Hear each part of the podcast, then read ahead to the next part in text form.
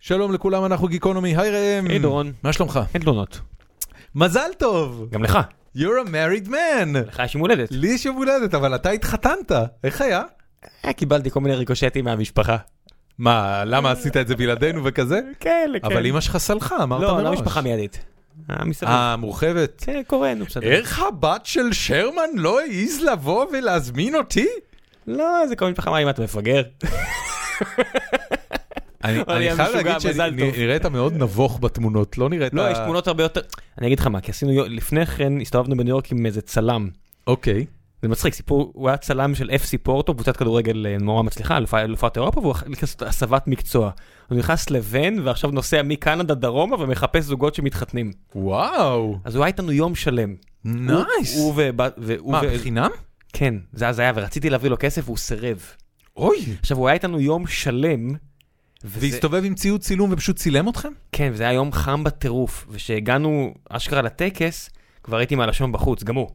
הוא לא הפסיק להזיע והוא סירב לשתות, הוא סירב שנקנה לו לשתות, כי הוא לא רצה שיהיה לו פיפי, והוא לא רצ... הוא רצה, הוא לקח את זה ברצינות מטורפת. אתה יודע, הוא בא עם כזה כמו פינטרסט, השראה, קובץ השראה לכל מיני של איזה תמונות הוא רוצה של איזה לעשות? תמונות הוא רוצה לעשות, ויום שלם הוא לא, אתה יודע, אני אומר לך, שעות. מה, עברתם בכל האתרים ב...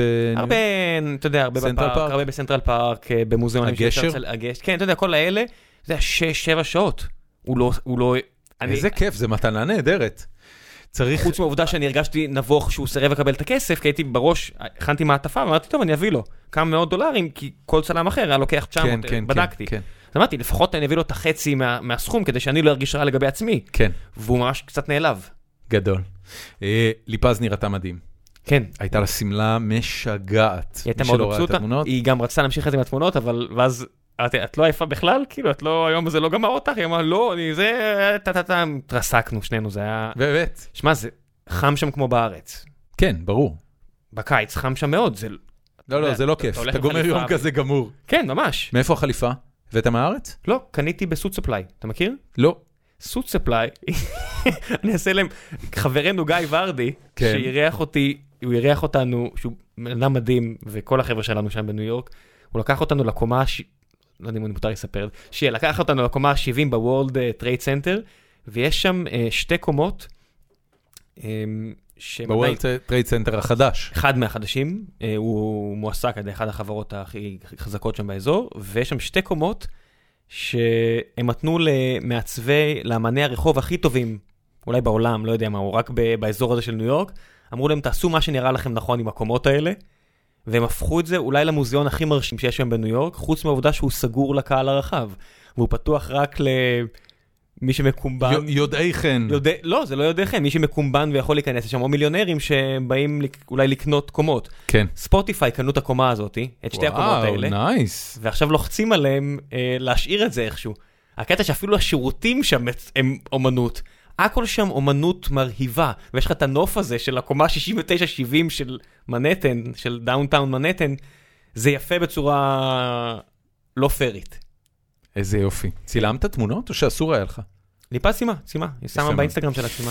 טוב, חברים, אמ, יש לנו פרק נפלא לפנינו. אבל לפני הפרק ניתן נותן חסות. סיימנו להקליט אותו הרגע, וישראל אהרוני הוא באמת אה, אחד מגיבורי ילדותי, אבל ממש לפני שנתחיל, יש לנו נותן חסות, חברת לייטריקס אה, שמגייסת עובדים, אה, חברת לייטריקס, סיפרנו עליה כבר אה, בפרקים הקודמים, כי הם נתנו לנו חסות כבר בפרקים הקודמים, הם המפתחים של אפליקציית אה, פייסטיון, 1 ו-2, והם... אה, יוש- לייט. ו-Enlight, והם אה, אה, אה, חברה נפלאה אה, שמייצרת מוצרים מעולים, מעולים, באמת. אני, מחברות המובייל הכי טובות בארץ. בדיוק. אה, לא, לא מפורסמת יותר מדי, אבל זה רק בגלל שהתקשורת בארץ היא פח. המוצר, המוצרים שלה מאוד מפורסמים. בדיוק. מכרו עשרות מיליוני חתיכות של האפליקציות האלה בארבעה דולרים לאפליקציה, נכון? כן. והם אה, אה, יושבים בירושלים, והם אה, לוקל פטריוטים, אז הם רוצים להישאר בירושלים, ולכן הם מציעים אה, בונוסים מאוד מרשימים למפתחי תוכנה ואנשי פיתוח עסקי וניהול מוצר, שיבואו ויעבדו איתם בירושלים ויעזרו להם לפתח את האפליקציות שלהם, וימשיכו לכבוש פסגות. בונוס חתימה של עד 100 אלף שקל, רק תגיעו לירושלים, ומי שמסרב בכל זאת, הם מציעים שאטל יומי, מתל אביב לירושלים. מאוד חשוב להם העניין הזה של ירושלים, זה ארבעה יזמים שהיו ב- באוניברסיטה העברית שם. תקשיבו, זו אחת מהאפליקציות הכי טובות בעולם. לא מסוגה, באמת. אפל כן, כן, מאמצת כן. אותה לחיקה בצורה יוצאת דופן. אמ, ח- חברה, חברה נפלאה עם עתיד מבטיח ואוויר הרים צלול כיין. לא לא כזה מונפץ להמר שזה יהיה אקזיט מפואר. חברים, אם אתם אה, רוצים אה, לפנות אליהם, אז אה, בבקשה כנסו דרך הלינק שלנו, אה, תוכלו למצוא אותו בעמוד הפרק באתר גיקונומי.נט. הם לא מחפשים רק מפתחים, הם מחפשים גם אה, מומחי שיווק לאפליקציות ושלל אה, משרות אחרות.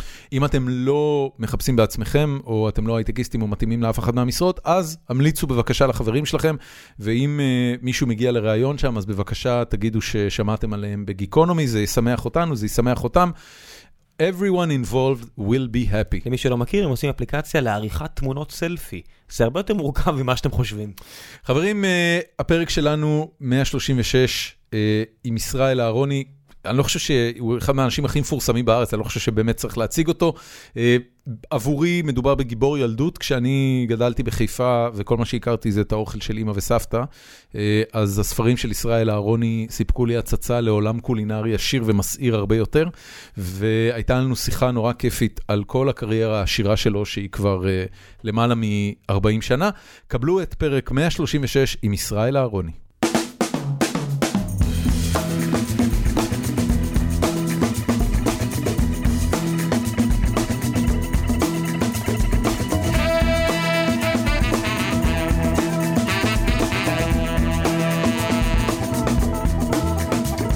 שלום רב לאורח שלנו, ישראל אהרוני! שלום. תקשיב, אני, אני אתחיל, תכף אנחנו... הספקת כבר להגיד, זו הקלטה שנייה, אני אספר למאזיננו, הייתה לנו תקלה בהקלטה הראשונה, והספקת לספר שאתה סבא. נכון. מתי נולד הנכד או נכדה? לפני שלושה שבועות, נכד סבא. מה שמו? יולי. עשו ברית? עדיין לא. לא עשו עדיין ברית. עדיין. מה, הוא נולד אה, קטן? אה, לא. פשוט עוד לא עשו כן. ברית. אה, זו סוגיה פתוחה פה במשרד שלנו. אני, אני מעלה את זה כי אה, בין מאזיננו ובכלל בפורום שלנו באינטרנט אה, היה ויכוח מאוד גדול על עניין הברית בשבועות האחרונים. אני עשיתי ברית לילד שלי, אבל אני נגד. כאילו, אני אז מבחינתי... מה- מה עשינו? לא, לא, אחרי שדורון עשה את זה, הוא התחיל אה, לה- להרצות לכולם. זה... ההרג... תקשיב, האקט של הברית היה, הרגיש לי כל כך לא טוב, שמיד הצטערתי שעשיתי אותו. בצדק. כן. זה מנהג כן, שצריך... וגם לא הייתי לפוס מודע, מהעולם. נכון, נכון, לא הייתי מודע לאלטרנטיבות. ב- בארצות הברית, בקהילות רפורמיות, אה, כבר מקובל אה, מה שמכונה מילה טקסית, שזה בעצם לעשות את הטקס, בלי אבל ה- לא לחתוך בלי את הזין. החיתוך, זה- כן, מה, רק ל- לדקור? לא, כלום, כלום, כלום, תגיד את הברכה. לא, תחשוב, אני- נראה לי שזו חתיכת טראומה, כאילו שאנחנו סוחבים אותה אחר כך. וואו. אה, לפני, אני לא יודע כמה, איזה עשר או חמש עשרה שנים, היה בארצות הברית איזושהי תנועה של יהודים מבוגרים, שטענו שה... זה היה ממש תנועה גדולה, שטענו שהברית זה מעשה אלים, והם לא נתנו את הסכמתם, והם... היה מין דבר כזה של לשחזר שחזור עורלה. כן. אני חושב שככל שאתה מתבגר יותר, אתה מתחיל להבין שלהוריד לתינוק ב- בן יומו חתיכה מהגוף. אה, זה אה, נכון, אם כן. כי לשחזר עולה נראה לי משוגע לא פחות, אתה יודע. איך- איך עושים את זה? קושרים אין לי משקולת? מושג, אין לי מושג. יש אה, סרט. שירים משקולת, מה, כדי להפוך את האור ליותר אפוי? כן, אבל אם זה מספיק מה אור, שאתה עושה. אה, אבל הורידו לך את האור. כן, יש, סר, מתחיל. יש סרט שנקרא אירופה אירופה, שמספר על, אה, על יהודי שבשואה התחבא במנזר, ו, ובגלל שהוא היה אה, נימול, אז הוא מאוד פחד שיזהו אותו. והוא אה, הוא פחד להתפשט, ובאיזושהי נקודה הוא עשה, זה, זה מתואר בסרט, אה, לא רואים את זה ויזואלית, אבל זה מתואר בצורה נוראית, הוא אה, קיפל את הבולבול וחיבר אה, סיכת ביטחון כדי לסגור את הקצה. שמע, התחלנו יפה. כן, אה, מפה מפה אפשר רק ל... בוא נעבור למאכלים בסין. עכשיו בואו נדבר על אוכל. רגע, לפני שמתחילים, אה, פתחתי באיזו שאלה שדורון לא הרשה לי לשאול לפני שנשדר. חזרנו מניו יורק שבוע שעבר, והיינו באיזושהי מסעדה בשם איוון ראמן, או הראמן של איוון, שהופיע בשף סטייבל, סדרה שאנחנו מאוד כן. אוהבים, אני וליפז, והיה לנו שם את התחושה שזה... אה, אכלנו, ואז אמרנו, היינו לאחרונה גם ביפן, וזה לא זה. לא, אז תראה, אז איוון ידוע בזה שהוא היה, נדמה לי, האמריקאי הראשון, או הזר הראשון שהעז לפתוח אה, ראמן ביפן, שזה כמו למכור קרח לאסקימוסים, פחות או יותר. אה, והוא גם מאוד הצליח, אה, אומר, את ה, אומר הסיפור. ואחר כך, כשהוא חזר לארה"ב, הוא פתח גם כן רמניה, שנדמה לי, יש לי את הספר שלו, שנדמה לי שמה שמייחד אותו, מבדיל אותו מהרמנים האחרים, זה שמאחר והוא לא יפני, הוא לא מרגיש כבול בידיה של המסורת היפנית, ומרשה לעצמו לעשות י- דברים. יש, יש מסורת כובלת לראמן ביפן? אה, זו שאלה מעניינת, כי עקרונית כן, אבל האמת שאין... ראמן זה יותר רעיון מאשר מתכון. זאת אומרת, אתה לא תאכל באף רמניה ראמן זהה לראמן שליד.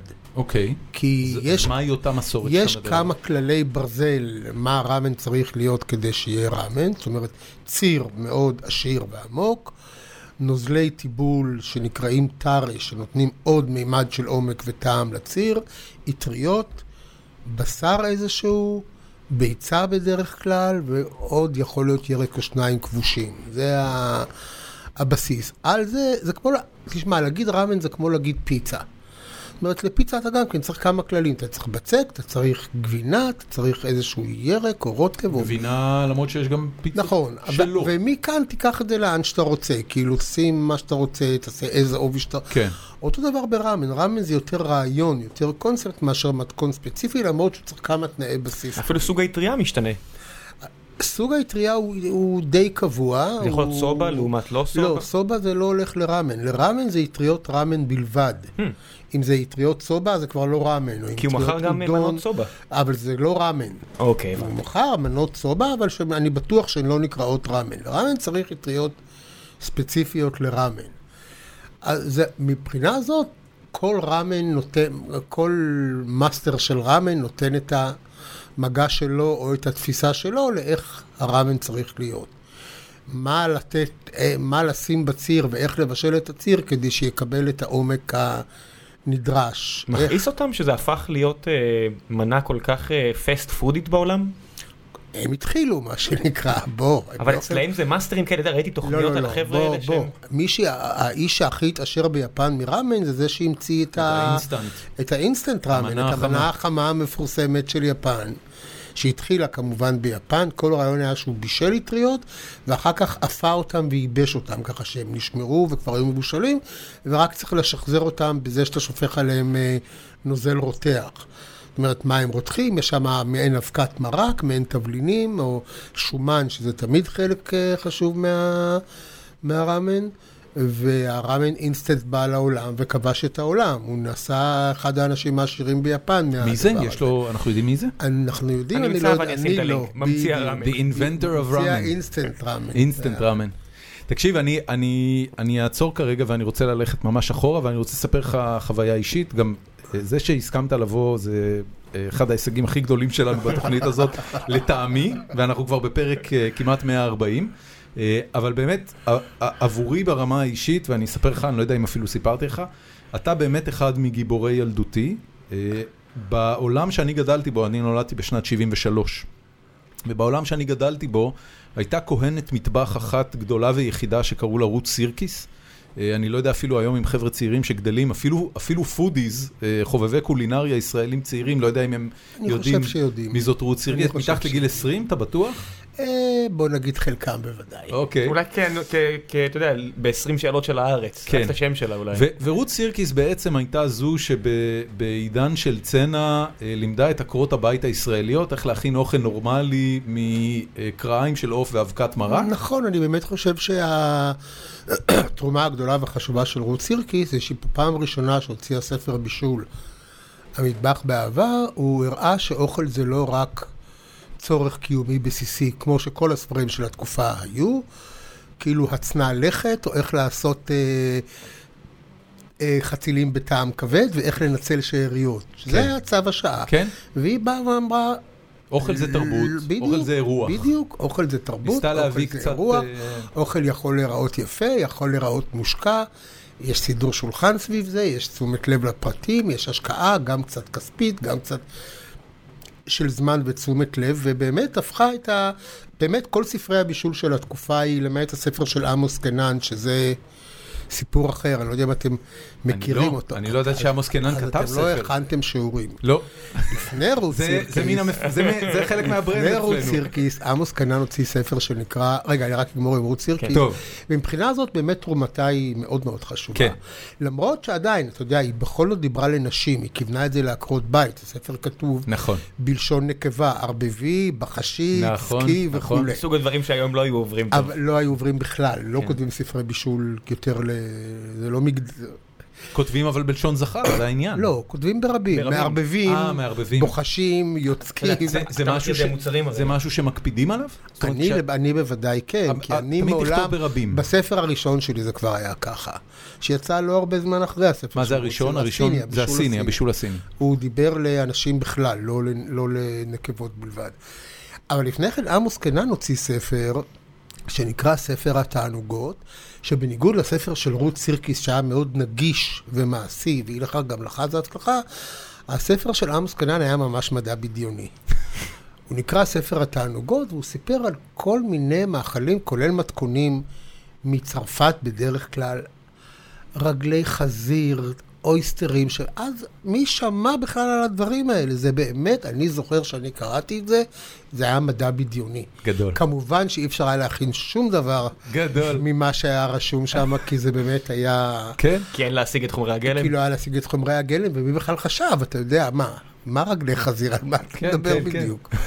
או מה זה, מה צדפות, על מה אתה מדבר בדיוק? כאילו, לא, זה היה באמת מדע בדיוני, אבל לפודיז של התקופה, וגם של אחרי התקופה, זה היה סוג של באמת תנ"ך נהדר. בלתי מושג, אבל זה באמת היה ספר קריאה, בניגוד לספר של רות, שהיה ספר בישול לכל דבר. ו- ואז אה, ב- בהיסטוריה הקולינרית שלי, פתאום נחשפתי לספרים שלך, בהתחלה דרך הבישול הסיני, והפכת לדמות מאוד מוכרת אה, בטלוויזיה באותם שנים, ו- ואחר כך אה, דרך הבשר והבישול הצרפתי והבישול האיטלקי.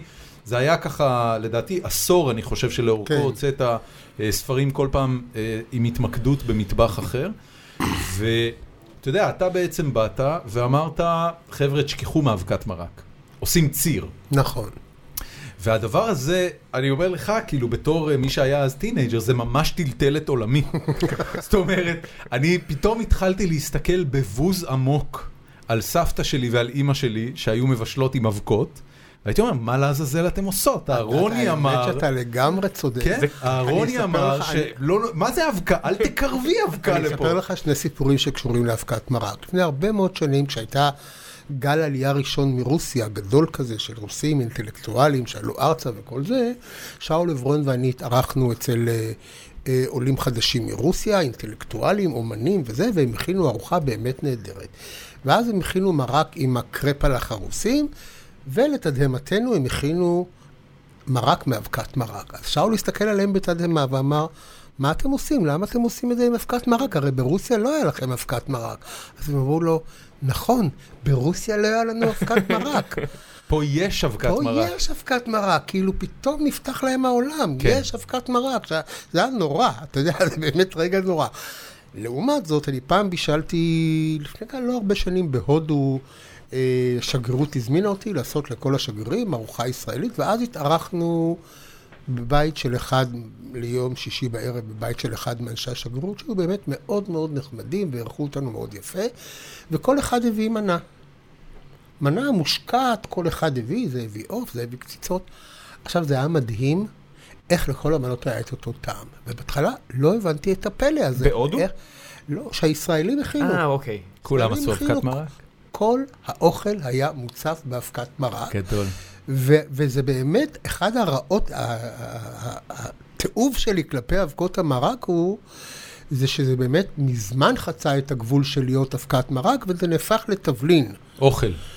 עכשיו, וזה באמת צובע את כל המאכלים באותו טעם. כן. כן, זה מאוד דומיננטי. זה מאוד דומיננטי, וכל המאכלים אז, פשוט אז אני, מוצבעים אני בטעם רצי, של אבקת ר, מרק. סיפרתי את כל הסיפור הארוך הזה והחוויה האישית שלי כדי בעצם להגיע לשאלה אליך, והיא אה, איך מתפתחת תודעה קולינרית שבסופו של דבר מובילה לזה שבאיזושהי נקודה שאתה מתחיל להיות מפורסם ומתחיל לכתוב על אוכל ומתחיל אה, להיות אה, אה, פרסונה מוכרת בכל המדינה, אתה בעצם בא ובועט באחד מאבות המזון של המטבח הישראלי, שזה אותה אבקת מרק. זאת אומרת, מאיפה מגיע בכלל העניין של לבוא ולהגיד, חבר'ה, מה שאתם מכירים בתור האוכל שאימא בישלה עם המוצרים והתבלינים והאבקות האלה, צריך לעשות אחרת. או זה גרוע לא- מכך, זה- אימא, כל- זה- כל האוכל כן. שהכנת לבן שלך לא טוב. לא, אני רק רוצה לתקן אתכם. האבקת מרק זה דבר חדש יחסית. כשהגיעו העולים ארצה, אימא שלי לא ידעה מה זה אבקת מרק. אתה מדבר על שנות ה-50 עד שנות וה-40. ה-50, 60, נכון. לא זה- זה ידעו ש- מה זה של שנות אבקת ה-70, מרק. נכון. אנשים בישלו מרק מבשר, נכון, מעצמות, ממה נכון, שצריך. נכון. ואז הגיע הפלא הזה, במרכאות כמובן, שנקרא אבקת מרק. אני מזכיר לך, ימים ימי צנע, כן. אנשים עובדים, אין זמן, זה כאילו נחשב לדבר חסכוני ומקל על עקרת הבית, כמו שנהגו כן. כן. לומר אז. ואכן הם נתפתו, אתה יודע, ולאט לאט התמכרנו... אתה מרגיש את אותה תחושה כלפי סוכר? לא. רגע, רגע, אני רוצה שהוא יספר. אני רוצה שהוא יספר, עזוב סוכר. אבקת אה, מרק. ובעיני- מה- מה- מתי בעטת בזה? כאילו, איפה מהר התפתחה מאוד, ההכרה? מהר מאוד, שאתה מבין... תראה, אני למדתי בישול סיני בטיוואן. אוקיי, באיזה גיל? בגיל הייתי 28 כבר, 27. אז גדלת בארץ? גדלתי בארץ, זה אני אותם יליד שנים, הארץ. אתה מדבר על 77, שהיית על בטוואן, 77, 8 שזה אולי. בדיוק אותם השנים שאתה אומר שאבקת המרק הגיעה ארצה. כן. לא, ו- הם הם ו- לא... הם- ולמה למה טיוואן? איך הגעת לטיוואן? סין הייתה אז סגורה. סגורה, סגורה ומסוגרת, כן. כן. לא, אין- בוודאי לישראלים, לא היו יחסים דיפלומטיים, לא, סין הייתה סגורה אז. שים את הטיוואן.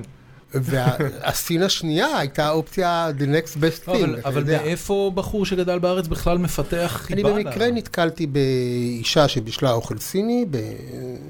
בתל אביב, אימא של חברה שלי אחת, ונדלקתי. לא הכרתי שום אוכל חוץ מהאוכל של אימא שלי עד אז.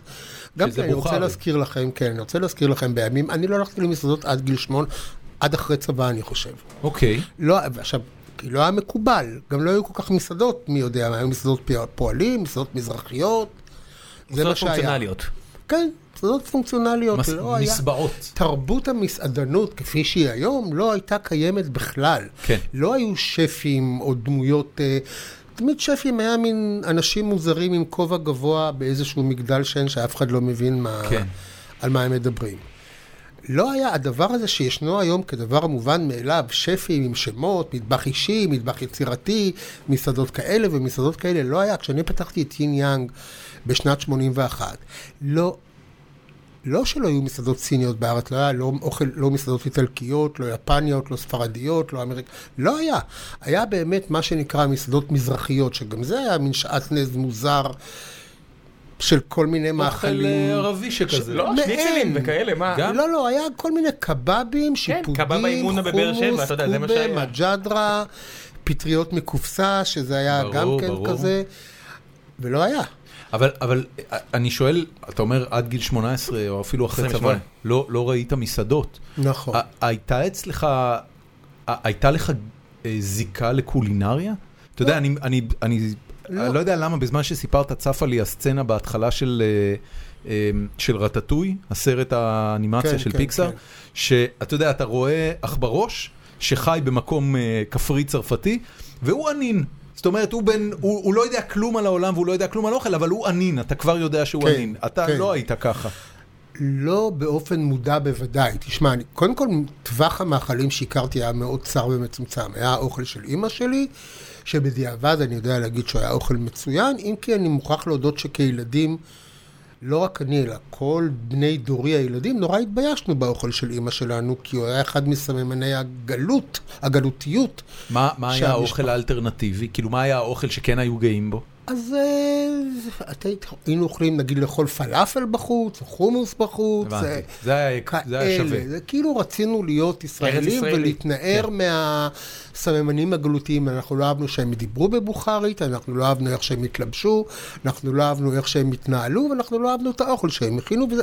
כל הילדים בשכונה, היינו שכונה מאוד מעורבת, כל נציגות יפה לכל עדות ישראל. לא אכלנו, לא התביישנו באוכל של אמא שלנו, לא היינו מזמינים חברים, בוא, אמא שלי מכינה אוכל נהדר. היום- היום ילדים רבים על הפלוב של מי יותר טוב. ב- לא, אני אומר לך שהיום, לא רק היום, לקח לנו הרבה זמן להתבגר ולהבין שלא רק שיש, אין מה להתבייש באוכל השלים שלנו, אלא צריך לשמר אותו. כן. זה ו- תרבות. ו- נכון. זה המסורת של המשפחה. נכון, ו- ושל כל עדות, תשמע, בכלל, יש, אה, יש לי ספר בישול משנות ה-60, אני חושב, של, שיצא בהוצאת ויצו, נדמה לי, ובהקדמה כתוב המשפט הבא, אני מצטט די במדויק, אם כי אולי כתוב, העליות השונות הביאו מארצות מוצאן הרגלי תזונה נפסדים. יש לעוקרם מן השורש וללמדם לבשל מתנובת הארץ, ואם אפשר, באופן אחיד. ומי אמר את זה? פולנים. גדול. באופן אחיד, כאילו יותר משמרות אדומים מזה אין. גדול. עכשיו, באמת האמינו ככה. אתה זה- אומר, זה רק עם- עם משלים. אחד, צלחת אחת. כן, אבקת מרק. יש לעוקרם מן השורש את הרגלי וואו. התזונה הנפסדים האלה, ללמדם אתה- לבשל... אתה יודע על מה הם מתגובת- דיברו? מה הם היו אותם הרגלי תזונה נפסדים? זה סתם היה עניין של אוכל... האוכל המרוקאי של המרוקאים, האוכל הבוכרי של הבוכרים. לא, אבל האוכל השאלה ה- אם הם חשבו שזה פחות בריא? כן. הם לא הבינו על מה מדובר. ב- כמו שאתה אומר, מי שכתב את זה, זה בטח איזה פולני, אני לא יודע. לא, מה, לא- מ- מ- מ- מפאת לא טעים לי? מפאת חריף לי מדי? מפאת מה? מפאת הגלותיות שבדבר, אנחנו עכשיו רוצים לייצר דור צברי חדש, אוי ואבוי. ויש ללמ- לעוקרו מהשורש וללמדם... מי- מי- למה אתה אה, לא אה, הצליחה? כן, מעניין. I wonder. מעניין לא למה- ברור. למה כשאתה חושב התבאסתם? על זה, אז זה באמת מדהים. עכשיו, תשמע, באמת, כשהגיעו כל העליות האלה, אז באמת ניסו, מה שנקרא, לעשות כור היתוך במובנו הרע דווקא. כן. כאילו להחריט כל סממני תרבות של פעם ולייצר דור כנעני ישראלי חדש. ובאיזשהו אופן, כאילו, הדבר היחידי שעוד ה- ה- העליות נאחזו בהם, כאילו בציפורניים, זה המטבחים.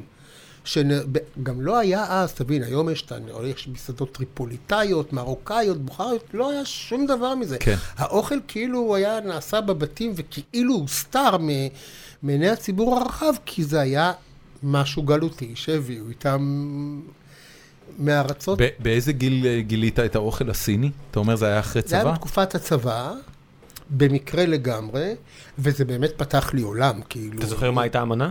אני זוכר, הסיפור יותר מעניין מהאמנה. זו הייתה אישה מאוד מיוחדת ומעניינת, יקת, מהדור של היקם אז, אבל... יקי, כלומר גרמניה. גרמניה, רק מה שנקרא, אה, שלא הלכה בתלם. היא אוקיי. נראתה, היא הייתה תמיד הולכת, הייתה נורא דמות ידועה וססגונית בתל אביב של אז, היא כבר נפטרה כמובן.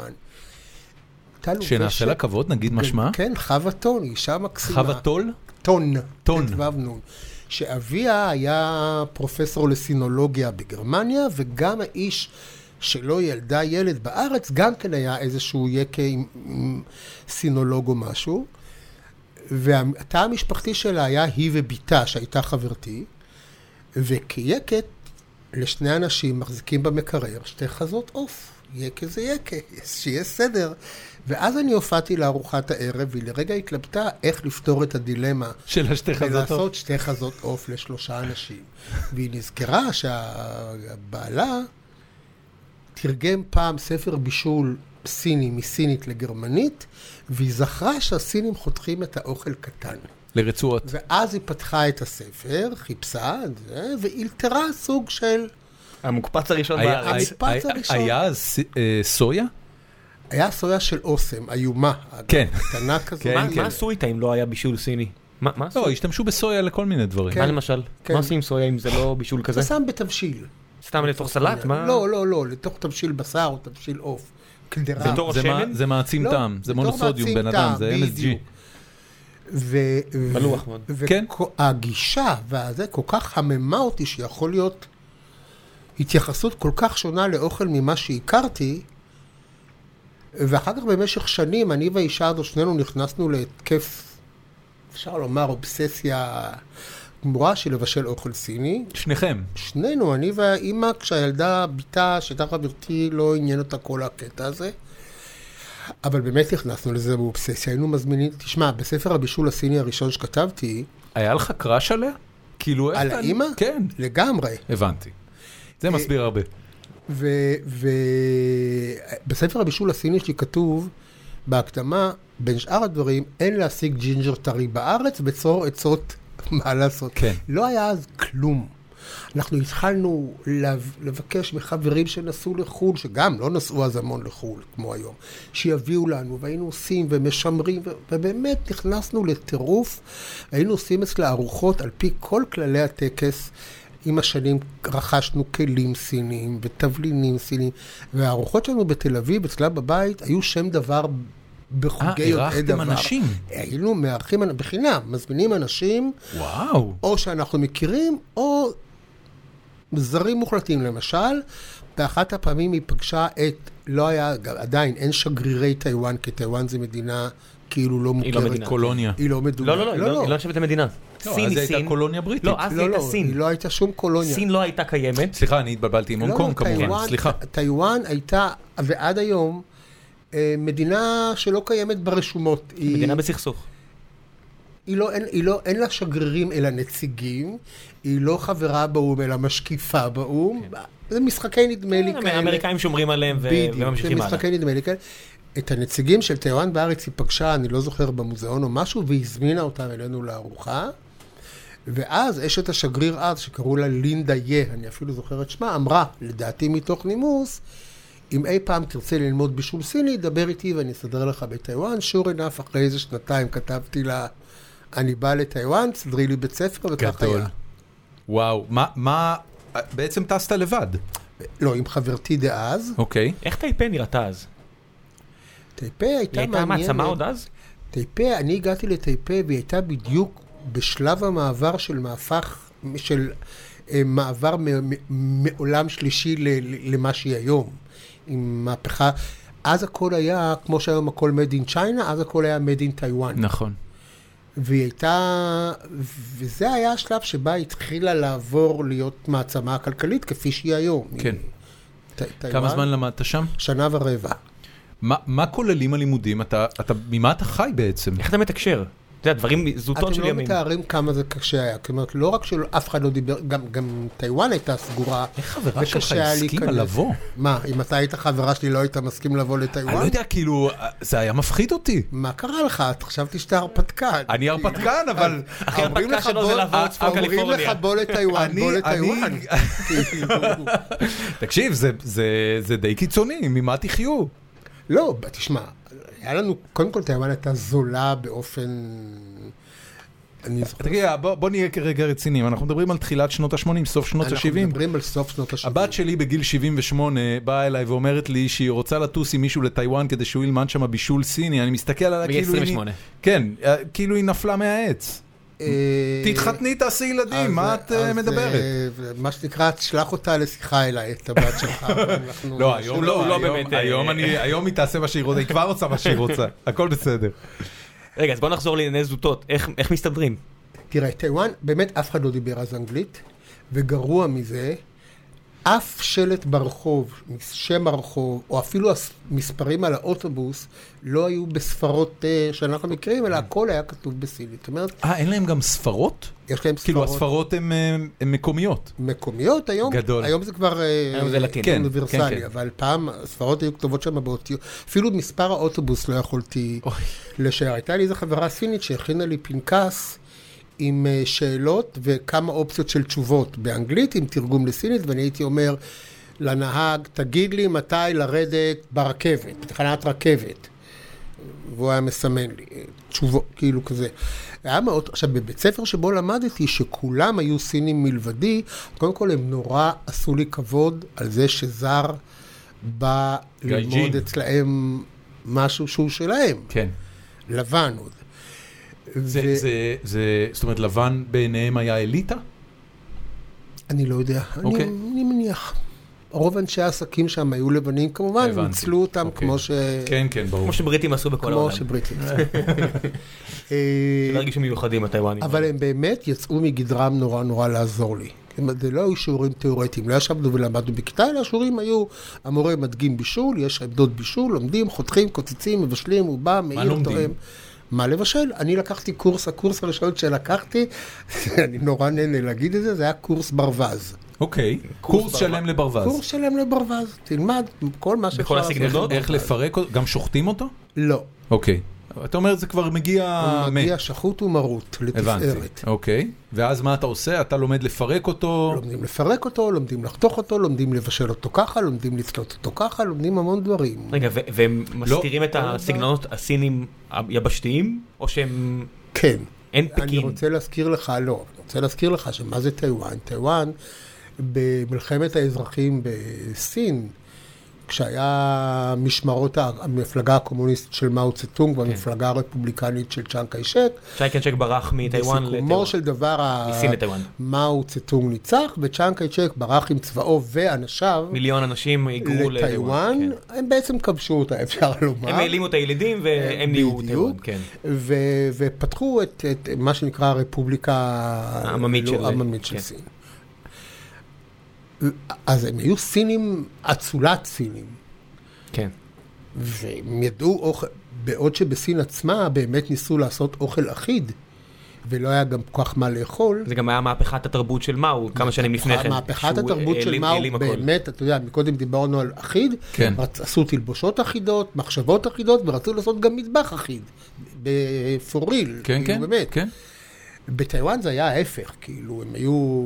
התגאו במגוון, אתה אומר. בדיוק. התגאו היה דבר כזה במטבח. ברווז צרפתי? הם הם עסקו גם דק על במטבח... אורנג'. אה, מטבח בין- בטיוואן? כן. אה, אז מעט, אני חושב, היה מטבחים אסייתים המון. היה פעם ראשונה שבחיים שאכלתי סושי זה היה בטיוואן, בארץ עוד לא היה. היה יפני? בטיוואן זה... הם ש- כן, אבל הם אה, ממש שנייה אחד- לפני שהיפנים, אתה יודע, מבחינתם זה כמו הנאצים. כבר לא. כבר אז כבר בתקופה לא? ההיא כבר לא בן עדיין. אדם, סושי- סושי זה טעים, אל תהיה ככה. לא, לא, היה בסדר, המון גם מסעדות גם וינר שניצל זה יפניות, טעים, ועדיין לא מנגנים את אנחנו- אנחנו קוריאניות, אוכלים פה? היו המון מסעדות עכשיו. אסייתיות של הסביבה. אז- אז קורס ראשון ברווז, מה עוד למדת בשנה כל מיני ורבע האלה? בישולים סינים, כאלה, כן, בחרת כל כן, פעם כן, קורסים. כן, כן. וממה חייתם? היה לי כסף שהבאתי מהארץ ולא היה צריך הרבה בשביל זה. זאת אומרת, הצלחת שנה על המענק שנה שחרור ברבע. שלך, פחות או יותר. המן אה, כשחרור של העבודה, אז לא היו, ש- אני שש- שבע עבדתי שנים, קודם. כן. תגיד, ג- אני חייב כאילו, כי זה באמת מאוד הרפתקני. אתה גדלת בבית ש- שהוביל אותך לזה? זאת אומרת, עודדו אותך עד בדברים כאלה? גיל 18, עד שהלכתי לצבא, לא עזבתי בחיים את חיפה, למעט לתל אביב, לבני דודי בחופש. איפה גדלת הגדול, בחיפה? בעיר התחתית. איפה? רחוב... הירוק? לא, לא, לא, רחוב הבנקים, פינת צהיום. אה, אוקיי. גם אז זה אני- היה... אני חיפאי, גם אז זה היה לכן דו- אני דו-לאומי כזה לא כל כך? שואל. חיפה, שאני גרתי בעיר התחתית, היו מאוד, בערך מאוד, אה? מאוד. חצי ערבים וחצי יהודים. זה לא השפיע על הס- הקולינריה? הסיפור של חיפה, קודם כל כן, הסיפור של חיפה הוא סיפור של אה, אה, גירוש המוסלמים והשארת הסוחרים הנוצרים העשירים. מי שנשאר הם אוכלוסייה משכילה, עשירה, לא רק. זה באמת. נכון, ב- היו גם מוסלמים וגם אה, נוצרים. באמת בשכונה שאני גרתי היו הרבה כנסיות ומנזרים, כן. והרבה אה, מסגדים. מסגדים גם? והם לא השפיעו על- על... אתה יודע, כי זה סך הכל מאוד שונה מהמטבח היקי או תראה. הפולני. אז אם נחזור רגע לילדותי, לא רק שהאוכל שהכרנו היה האוכל של אימא שלנו, אלא פעם, שזה יישמע לך מוזר, אבל לפני כמה עשורים האוכל של האחר היה מאוד חשוד. נגיד אני הייתי אומר לאמא שלי, אני הולך למשה. אתה אומר, בסדר, תחזור בתשע, ואל תאכל אצלם מי יודע מה הם שמים באוכל. עכשיו, זה לא רק האימא שלי, כולם לא, לא, זה ככה. חשבו, אני עוד אל גדלתי תאכל בתקופה אצל, עכשיו, כזאת. אצל הערבים בכלל לא היה, מה- היינו חברים מאוד, היינו חברים ערבים, היו, היו באים אלינו, אבל לא אוכלים. אצל הערבים בוודאי ובוודאי אסור היה לאכול, כי בנוסף לזה של מי יודע מה הם שמים באוכל, הוא בוודאי גם לא כשר. באמצע שנות ה-90 עדיין יש את המערכון של החמישייה של משתין בחומוס הרי, כן. אתה יודע, אנחנו מדברים הרבה שנים לא, אחרי זה, לא יש לך בחומוס. שאז. אז לא, בתפוחי כי, לא אדמה, משנה, כאילו, האוכל אחד של הדבר. האחר תמיד, לא, לא רק בארץ, בעולם, היום, אתה יודע, האוכל של האחר הוא משאת נפש. כן. אבל לאורך ההיסטוריה, אחד מדרכי ההרחקה של האחר היה דרך האוכל שלו. ה- מי יודע, האוכל של האחר בהרחקה הקלה הוא מי יודע מה הם שמים באוכל, ובהרחקה הכי גדולה האוכל של האחר הוא לא מוסרי. הבלתי מוסריים האלה שוחטים כלבים וחתולים למאכל, בעוד נאורים שכמונו שוחטים רק רק בסיס פרות, כן. ופרות. שזה כמובן הרבה יותר נאור. בטח. תראה, הפרות לא חמודות. הם או כן. לא- לא מספיק חמודות. אבל, אבל זה, זה היה הדבר. נכון. האוכל של האחר היה תמיד חשוד. רק בעשורים האחרונים, לא רק האוכל של האחר, גם המראה של האחר. כן. בוא, בשנות ה-60, בשנות ה-50, כל האפיונים של האפריקאים, של השחורים, נחשבו למכוערים.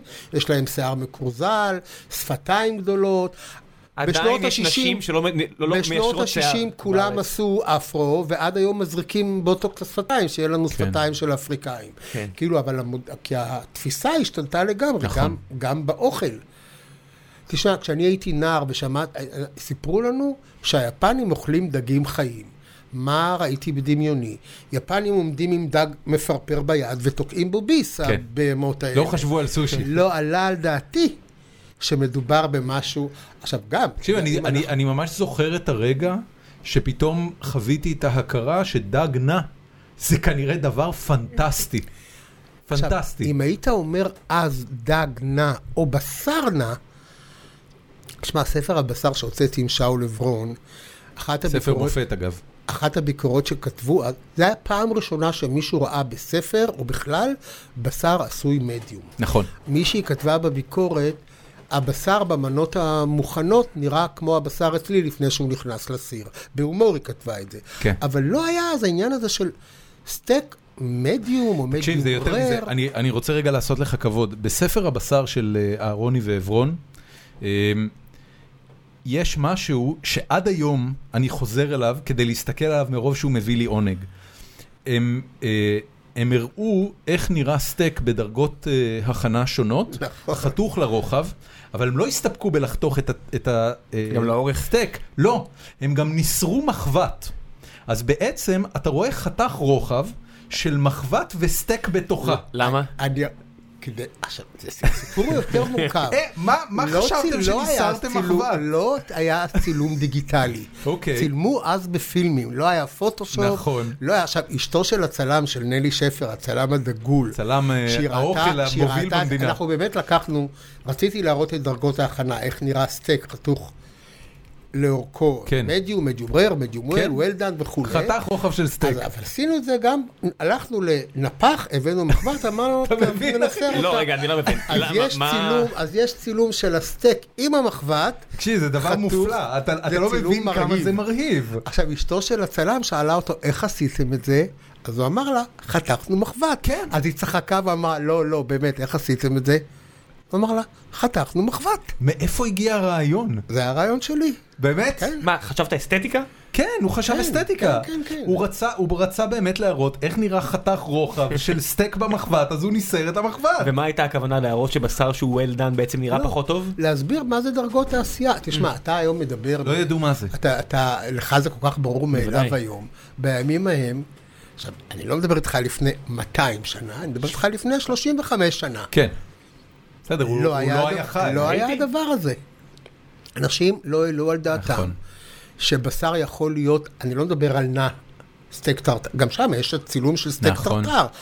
זה היה... מה זה- מה זה סטייק טרטר? יש שם את הסיפור שאתה מספר על אותה מסעדה שבה הם קוצצים ביד את נכון, ההמבורגר כן. מפילה, שאתה קורא את זה ואתה אומר, מה זה המקום זה היה, אה, המוזר הזה? תשמע, זה היה מדע בדיוני.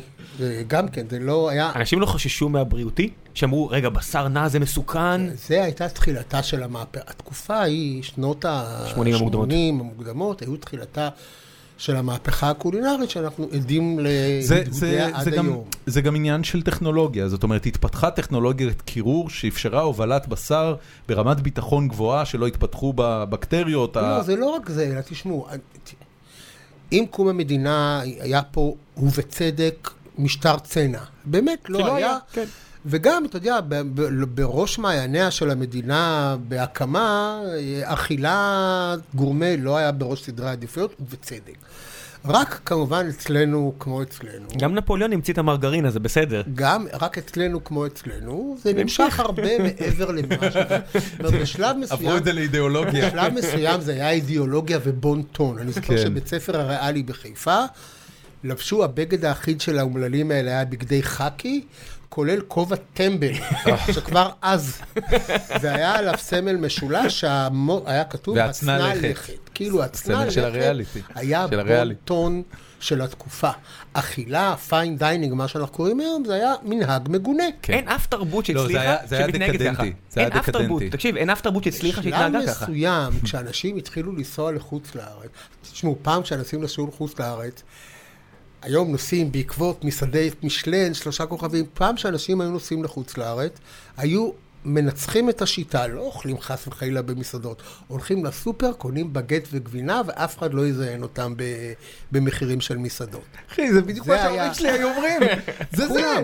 זה מה- זה זה. למה לאכול במסעדות? לך לסופר, אתה משוגע? תקנה גבינה, תקנה לחם, בדיוק. והכל. וסידר, ניצחת את השיטה. כן.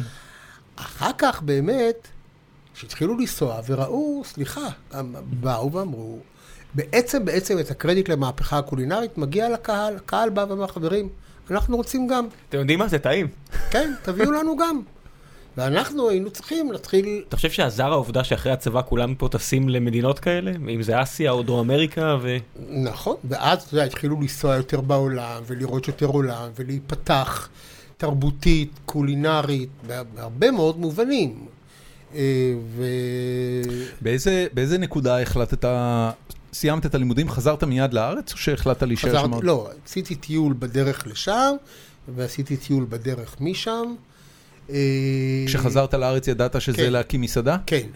היה, היה אה, היסטוריה של אה, הגשת מזון אצלך במשפחה, או שהקמת מסעדה? לא, ממש אז, לא. אז איך אתה יודע להקים מסעדה? אתה יודע, ממה שראיתי בעולם, הייתי בטיוואן, הייתי במסעדות. עבדת במסעדות? בה- אני הייתי התלמיד היחידי בבית הספר של אות כבוד והערכה. המורים, שהיו כולם שפים במסעדות, הרשו לי לבוא אליהם לסטאז' בערבים. שלוש או ארבע פעמים בשבוע הייתי עובד במסעדות שלהם, עובד, אה, הגזמה אולי, אבל אה, כן, ולמדתי מזה המון. ואז כשבאת לארץ זה כבר היה יחסית, אה, אתה יודע, טריוויאלי מבחינתך להתחיל אה, לעסוק בזה. כן. איך, אה, איך, אה, אתה יודע, אתה, אתה מקים מסעדה, אתה שוכר צוות. הצוות לא למד בטיוואן, הצוות הוא אבל צוות אז ישראלי, היה- לא, אין לא, לו לא, סטנדרטים לא, לא, של... לא. אה, לא, לא, בדיוק בתקופה ההיא, אה, אני לא יודע אם אתם זוכרים את המקרה הזה, היו אז, בתקופה, כמה שנים לפני כן, אה, במלחמת וייטנאם, ברחו שלוש ספינות גדולות של כן, פליטים. בגין. שבגין הביא אותם ארצה. בגין אחד נתן מהם. להם אזרחות. אחת, הם אחת, היו, כן. איזה, הם היו איזה חודשיים או שלושה בלב ים שאף מדינה לא הסכימה לקלוט אותם. לטי- לווייטנאם לא היה סיכוי שהם יחזרו כי היו הורגים כן. אותם. ואז בגין היה הראשון נכון. שעשה את המעשה ההומניטרי ולקח ספינה אחת ארצה ונתן להם מעמד של פליטים. אחריהם קנדה, אחריו קנדה וצרפת. עד היום מסתובב בארץ וייטנאמי אחד שקוראים לו בגין, דרך אגב. באמת? כן. נהדר. אז היה אחד התינוקות שנולד, וקראו לו, הם העריצו אותו, ובצדק, בצדק. כמובן. מה זה, חייהם, הציל הוא את החיים? הציל את חייהם.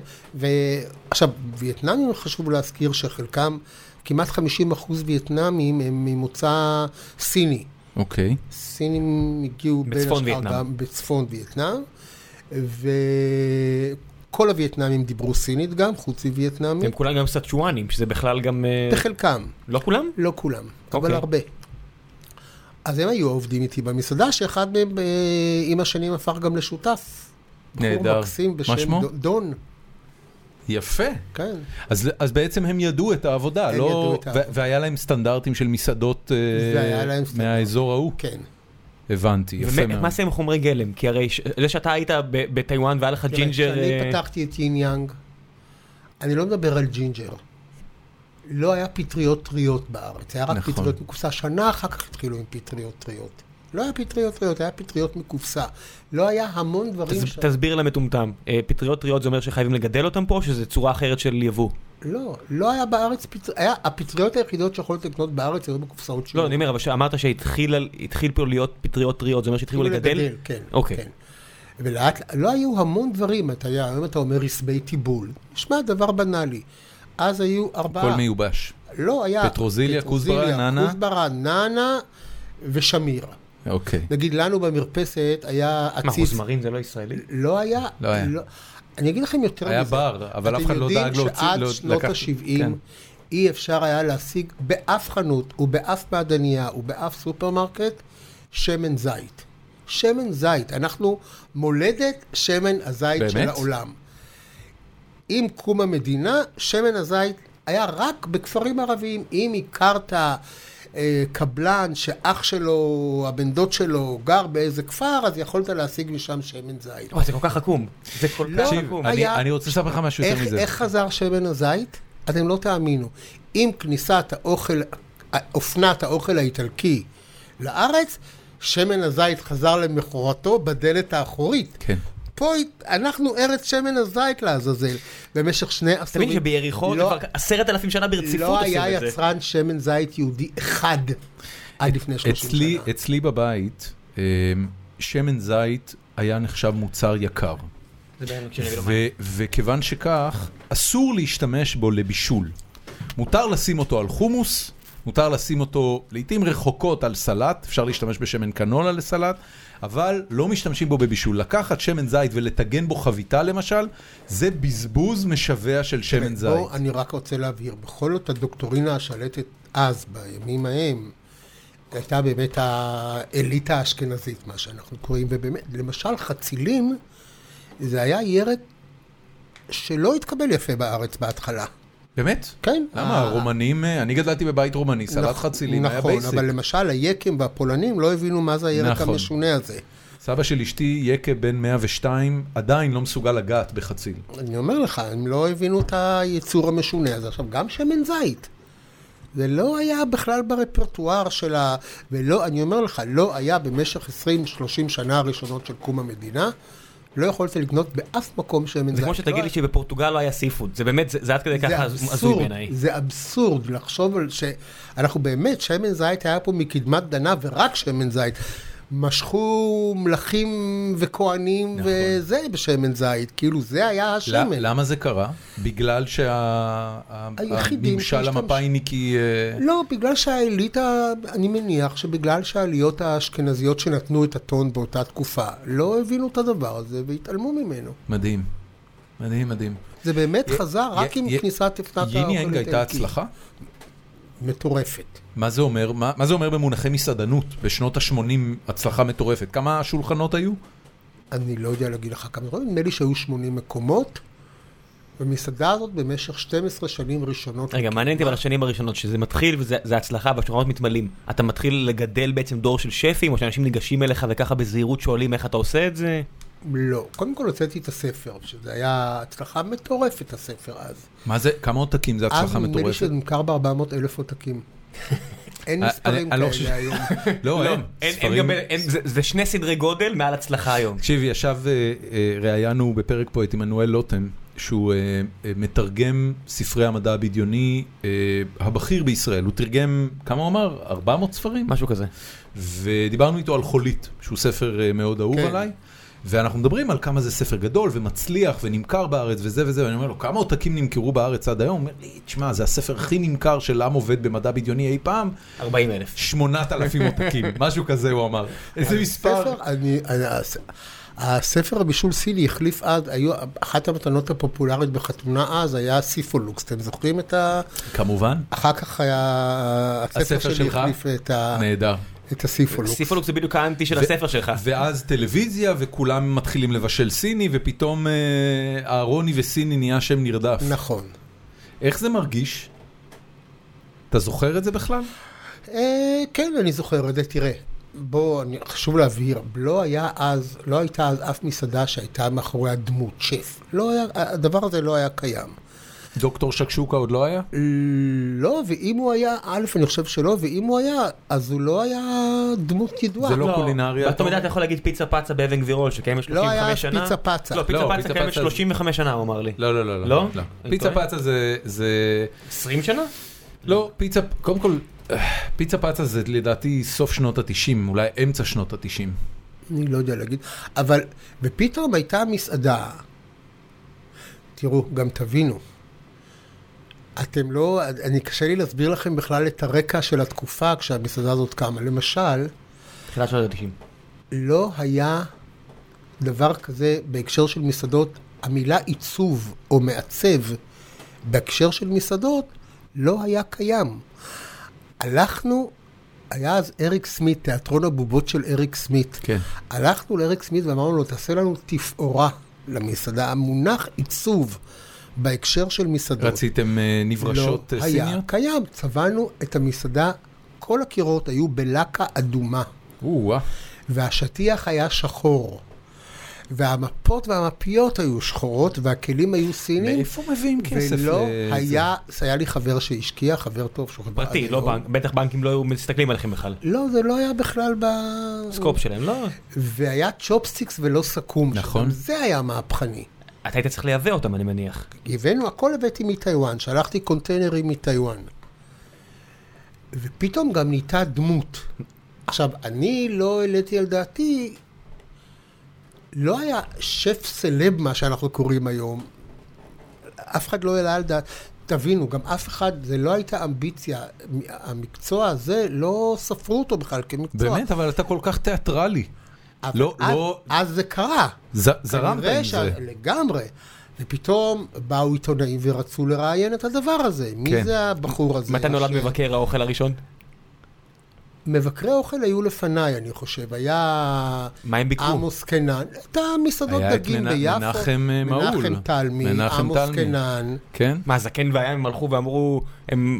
הצלחות, מ- מ- הצלחויות מנחם- היו מנחם, נקיות? אה, מנחם תלמי כתב, אה, כתב מדור אוכל. זה בעצם לא היה ביקורת מסעדות, זה היה הוא- הוא- מדור הוא- אוכל. הוא אחר כך היה קרא לזה ב- הוא כי- במכבסת המילים, אה, הוא אמר, זה סקירת מסעדות, זה לא ביקורת Fair enough, מסעדות. יפה. סקירת... אגב, ריוויו, התרגום Review. לעברית הוא סקירה. נכון. הוא לא אה, נכון. ביקורת, ואז הוא לא היה- קריטיסיזם. ואז, ואז התחיל כל התופעה הזאת של...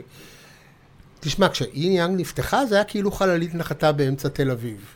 איפה היה החלל המקורי? בשדרות רוטשילד 64. וואו, עכשיו גם, אתה מבין? שדרות רוטשילד. לא היה אז. שדרות רוטשילד בתקופה ההיא, כן. אני גר שם המון שנים כבר בשדרות רוטשילד. בשעה חמש שדרות רוטשילד היו בית קברות. היה, זה היה אזור מרכז העסקים, כמו שזה היום. הבנקים וכל זה. בנקים, כן. הבורסה. רואי חשבון, אה, עורכי דין, כל ה... זה. בשעה ארבע התחילה נהירה רבתי של כלי רכב כיוון צפון, בשעה חמש עד למחרת בבוקר השדרה הייתה סומ- שוממה, לא היה אפילו תאורה בשדרה. וואו. לא היו את הקיוסקים האלה במרכז? היו את הק- את הקיוסקים, אז התחילו להוריד גם. היו קיוסקים אז בכל מקטע שחלק הורידו, למשל היה ברוטשילד צ'נקין, איפה שאני גר, אני קיוסק הגעתי בדיוק שהורידו מעבר אותו, לכביש, אז אני... שהורידו אותו. אה, זה לא היה אזור צעיר ותוסס כמו שהיה, זה היה אזור של זקנים אה, של באופן פעם. כללי תל אביב הייתה לא כזו עד אמצע שנות ה-90, נכון? ולמשל, כשאני רציתי לפתוח, אנחנו שנה חיפשנו מקום למסעדה. עד שמצאתי את הבניין הזה בשדרות רוטשילד, אמרתי, או, מה פה אני האלטרנטיבות רוצה היו? לפתוח." ידעת שזה יהיה בתל אביב? תכף אני אספר לך, כן. ואז כולה, כל חבריי התל אביבים, אני הרי לא הייתי תל אביב, אמרו לי, אהרוני, אתה לא נורמלי, פה לא פותחים מסעדה, אף אחד לא יבוא לפה. אמרתי, למה שאף אחד לא יבוא לפה? זה רחוב יפה, זה בניין ישן, אז עוד לא היה לשימור אפילו, המונח הזה. נורא יפה, למה שלא יבואו לפה? אמרו לי, אתה לא מבין בתל אביב, לתל אביב יש חוקים משלה, בוא נראה לך איפה פותחים מסעדה. ואז הם לקחו אותי. עכשיו, השדרה הרי יפהפייה, כבר אז היא הייתה. לקחו אותי לרחוב יורדי הסירה. אז תגידו, אתם עושים צחוק? זה הרי בית השחי של תל אביב המקום הזה. זה- אני מראה לכם- אני מראה לכם את שדרות רוטשילד, ואתם מביאים לי את את יורדי הסירה כאלטרנטיבה. והתעקשתי ופתחתי בשדרות רוטשילד. המשקיע זרם. תוך שבועיים המסעדה הייתה מפוצצת במשך 12 כמה, אתה זוכר כמה עלתה ארוחה? זה היה מסעדת יוקרה? אני חושב שבמונחים של אז כן. אוקיי. היא גם הייתה נורא מושקעת, תבין. תשמע, אנחנו המסעדה, אנחנו המצאנו את המונח ארוחה עסקית למשל. באמת? כן, גדול. לא היה אז. ש- שזה היה באותו קונספט של היום, של ארוחת צהריים? כן, ארוחת צהריים מוזלת יותר. זה היה נהוג בעולם? אני חושב שכן. יותר מזה, אנחנו היינו המסעדה הראשונה שהיה בה חדר אחד, אז זה היה, במקור זו הייתה דירה, היו בה כמה חדרים, חדר אחד שהוא היה בר, בלי שולחנות לאכול. כולם אמרו לי, מה אתה עושה? תשים פה עוד חמישה שולחנות, תרוויח עוד כסף. אמרתי, לא, אני רוצה חדר אחד שהוא חדר המתנה ובר. זה, זה היה מקובל במסעדות שראית בטיוואן? כן. זאת אומרת, זה היה המודל. כן, אזור בר, ואז עוברים לשולחנות. כן. הבנתי. בהרבה, בחלק גדול כן, כן. מהמקרים, לא בכל המסעדות. אתה יודע, זו הייתה מסעדה עם עיצוב, מה שקרה, כן. מה שאנחנו קוראים היום, עם כלים שהבאנו מטיוואן. עם- כמה זמן עבדת שם באופן uh, ישיר? 12 שנה עד שפתחתי את תפוח זהב.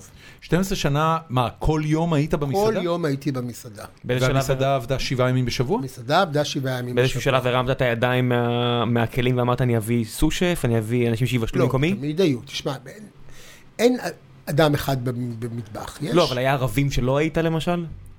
אה, היה ערבים שלא הייתי, אבל אתה יודע, היו העובדים שידעו את העבודה. התזמורת הרגשת כבר ידעה בנוח לנגן. מהר מאוד? כן. לא יודע, אני לא זוכר כמה מהר, אבל כן. מדהים. 12 שנה. ואתה היית באמת חלק מהמסעדה, זאת אומרת שאתה היית יוצא... ל- ל- המון. המון הייתי יוצא. אה. ב- באיזה- באיזה פונקציה? בתור מה? בת- לראות שהכל מסתדר או כדי להציג את עצמך? לא, קודם כל, בהתחלה, אה, אחד הדברים שידעתי לעשות הכי טוב, זה לעזור לאנשים להרכיב ארוחה שהיא מעניינת. כלומר, לא לתת להם להזמין ארבע מנות שכולן עשויות על עוף וכולן מתוקות נניח, אלא ליצור מין מגוון מעניין של מנות, שיהיה משהו אחד קצת חריף, משהו אחד קצת מתקתק, משהו אחד קצת זה, שיהיה אחד עוף, אחד בשר, אחד אטריות, כאילו... ל- ל- הייתי עוזר להם ב- להרכיב ארוחה. ביחס למה שלמדת בטיוואן, היית צריך לשנות את המנות להתאים לחיך הישראלי? ברור שכן, מכמה סיבות. א', יש באמת דברים במטבחים הסינים שבכלל אין מה לדבר, זה לא בקודים התרבותיים שלהם. מה למשל? מדוזה, סתם דוגמה, או אני לא יודע. מדוזה זה- זה מה, זה מנה יוקרתית בסין? לא, זה מנה, או כל מיני דברים שאנחנו לא מעלים על דעתנו לאכול. ב' מגבלות חומרי הגלם. המון דברים שיש בסין לא היו אז, וגם היום עם כל חנויות המזרח הרחוק, מה שאתה רואה שם זה אולי חמישה אחוז ממה שיש במד- גם במטבחים שם הרוב- הרוב זה- האסייתיים הרוב זה גם חזיר בהרבה מקומות. לא בהכרח, גם עופות וגם בקר וגם הכל הולך. ואיך אצלך היה המינון של נגיד מאכלים שהם בבירור המסעדה לא כשרה, אבל איך היה המינון בין אה, מסעדות? פחות או יותר שווה שווה. שווה היה, שווה? כן. השארת מקום גם לאנשים שלא רצו להזמין אה, פרה נמוכה, או לא יודע איך קראו לזה? תשמע, אני- קראו לזה... רשמת חזיר? לא, מה פתאום. בשר לבן. לא, לא. זה הרבה יותר מגוחך. קראנו לזה בעברית, פ"ו-ר"ק. פורק. פורק. זה שם הבשר?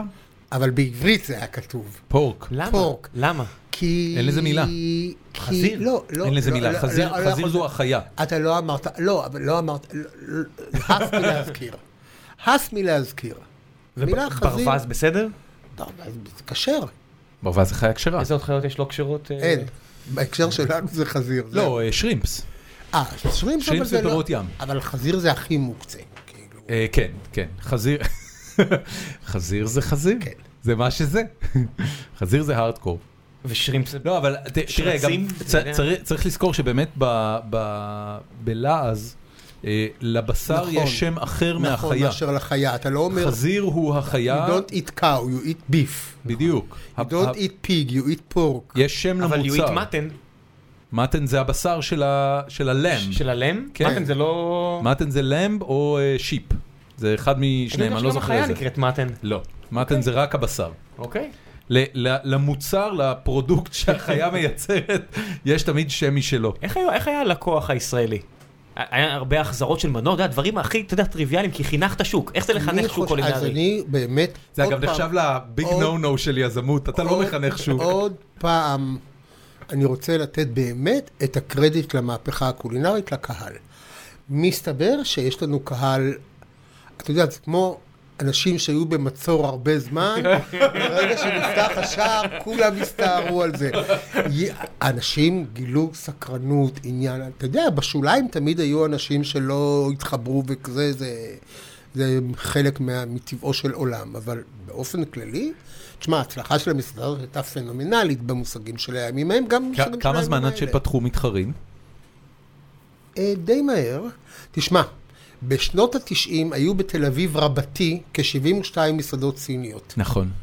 ולא היום יש שלוש. צרפתית, יפנית, לא, יש הרבה יותר. אל אין תגיד הרבה- לא. אין יש הרבה, שלוש. באמת, בשלב מסוים, שלוש? א', התחילו להיכנס, מד- במשך עשור, המטבח הסיני שלט ביד נכון. רמה בקולינריה הישראלית, שזה באמת, אני, כשאתה אני, ג- חושב אני על גדלתי זה- בחיפה, ובשנות ה-80, מסעדה סינית הייתה, מבחינת המשפחה שלי, הבילוי הגבוה ביותר שאנחנו יכולים גם להרשות לעצמנו אצלנו בבאר אבל שבע. של- במשפחה. אבל כן. של כל עם ישראל. כן, גם בבאר שבע זה היה שלך ככה. ושל כן. כל עם היית ישראל. בא, והרוחות, ומרק, אחד והפלטות האלה אחד- שמחממים עליהם, מי ראה דברים אחד כאלה? ההסברים לזה, זה א', באמת כאילו הרגשנו פתאום חלק מהעולם הגדול, אנחנו אנשי העולם סין. הגדול, אנחנו אוכלים באוכל סיני עם צ'ופסטיקס, עם כן, כן. אורות אדומים, ועם מסתובב, ועם אש, כל, ה- כל, ה, כן. כל האפקטים עבדו בעוז. אבל יותר מזה, אני חושב שאחד היתרונות של מסעדות סיניות של התקופה ההיא ובכלל, היה אם היית בא, סבא, סבתא, אימא, אבא, דודים, ילדים, כל אחד היה יכול למצוא משהו לאכול. מי שרוצה שניצלונים עם סומסום לילדים, יש. מתוק לסבתא, אוקיי. פרגיות עם, אה, יש. ציפוי. אה, דג יש, מי שרוצה קצת חריף יש, מי ש... כל אחד יכול היה למצוא משהו לאכול בו, וזה באמת היה ממסעדות יוקרה, זה נהפך למסעדות של משפחה. כן. באמת כל המשפחות היו באות וכולם היו מוצאים מה לאכול. נכון, נכון. אה, היו מביאים את ה... רגע, רגע, עוד שאלה אחת. בתקופה ההיא שאין מסעדות, שפתאום מגיעים אנשי עסקים נגיד, או שגרירים, אז כולם היו נוהרים אליכם כי אתם המסעדה? היינו המסעדה של כל המי ומי, מה שנקרא. צ- צריך גם סיטואציה להגיד, אני, אני מעניינת. אכלתי ב-in ו-yang רק פעם אחת, וזה by far הייתה הסינית הטובה ביותר בארץ. זאת אומרת, אני זוכר את זה, אתה יודע, הרי ע- עב- עבור, אה, עבורי כנער צעיר יחסית, ה- ה- המנה האולטימטיבית הסינית זה כמובן היה עוף חמוץ מתוק. אה, נתחי עוף בתוך הפרגיות גלילה, הקטנים, כן. מטוגנים עם רוטב חמוץ מתוק. עם הרוטב הזרחני. ו- והכרתי את זה מכל המסעדות הסיניות שאכלתי בהן בחיפה, ואז באתי לאכול באין יאנג. בן אדם, העוף הוא עוף, והבלילה היא בלילה, והכדורים הם קראנצ'י, לא, והרוטב היינו הוא... עושים נגיד האופי תקשיב, זה כאילו, זה רמה אחרת. כאלה. היינו זה- כן, באמת זה נורא ב- זה השקענו. היה רמה נורא גבוהה של אוכל סיני. מעניין אותי כמה מהשפים היום שעושים בישול אסיאתי, אתה יודע, החבר'ה של תאיזו שהם יותר צעירים, או כל מיני כאלה, גדלו בדיוק על אותו סיפור.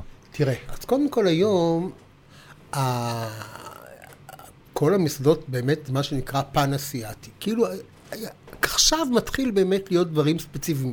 וייטנאמי, תאילנדי, יפני, היום, אבל באופן כללי הנטייה היא לעשות מה שנקרא פן אסיאתי, בלי מחויבות ג'ירף. למטבח ספציפי. שבתפריט יש מנה מפה, מנה מפה, כן, מנה מפה. הפורמולה של יש קצת ג'ירף. סוש- סושי, קצת נודלס, קצת יפני, קצת אסיאתי. כן. איך זה קרה? כי לא רצו להתחייב על סגנון מסוים?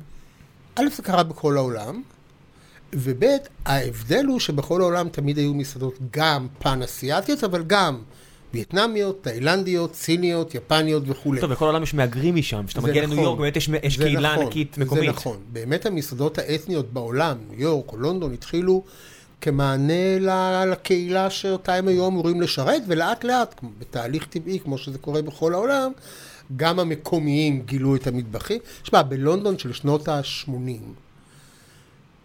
לא היה זכר לאושר הקולינרי שיש היום. בלונדון היה ידוע שהאוכל גרוע. אין מה לאכול המקום לא בלונדון. היחידי שהיום היה אפשר ללכת לאכול ולאכול אוכל טוב, זה באמת בסוהו, במסעדות כן, כי הפקיסטניות, הפקיסטנים הגיעו שנות ה-שבעים. ההודיות, הפרסיות, הסיניות. תקשיב, אני רוצה לספר לך משהו. סב- סבתא שלי, זיכרונה לברכה, סבתא ריקה, נסעה לטיול בלונדון פעם אחת בחיים שלה, איפשהו בסוף שנות ה-80, ודודתה רוחל אמרה לה שאין מה לאכול בלונדון. היא לקחה כיכר לחם. כן, מר- מראש היא מרקו, פחדה מרקו שלא יהיה לה סטייל. מה לאכול שם. עד כדי כך זה היה למה גרוע. אתה מדבר? לא מזמן, גידי ואני, שבאחת הנסיעות שלנו בשדה תעופה, גידי פגש שתי בחורות מרמת השרון שהוא מכיר, שהן נוסעות לסין. עכשיו, לא תגיד, הן לא... מק- שתי רמת שרוניות. מה לקחו מטופחות. איתם? היא אמרה, המזוודה שלנו מלאה אוכל, כי אמרו לנו שהאוכל בסין הוא גרוע. אה, בא לך להעיף לה סטירה באימא שלה, כאילו... לא יכולת להגיד, הנה, זה אני, זה גידי, אנחנו עושים כבר המון- הרבה לא, שנים טלוויזיה, לא, תראו. זהו.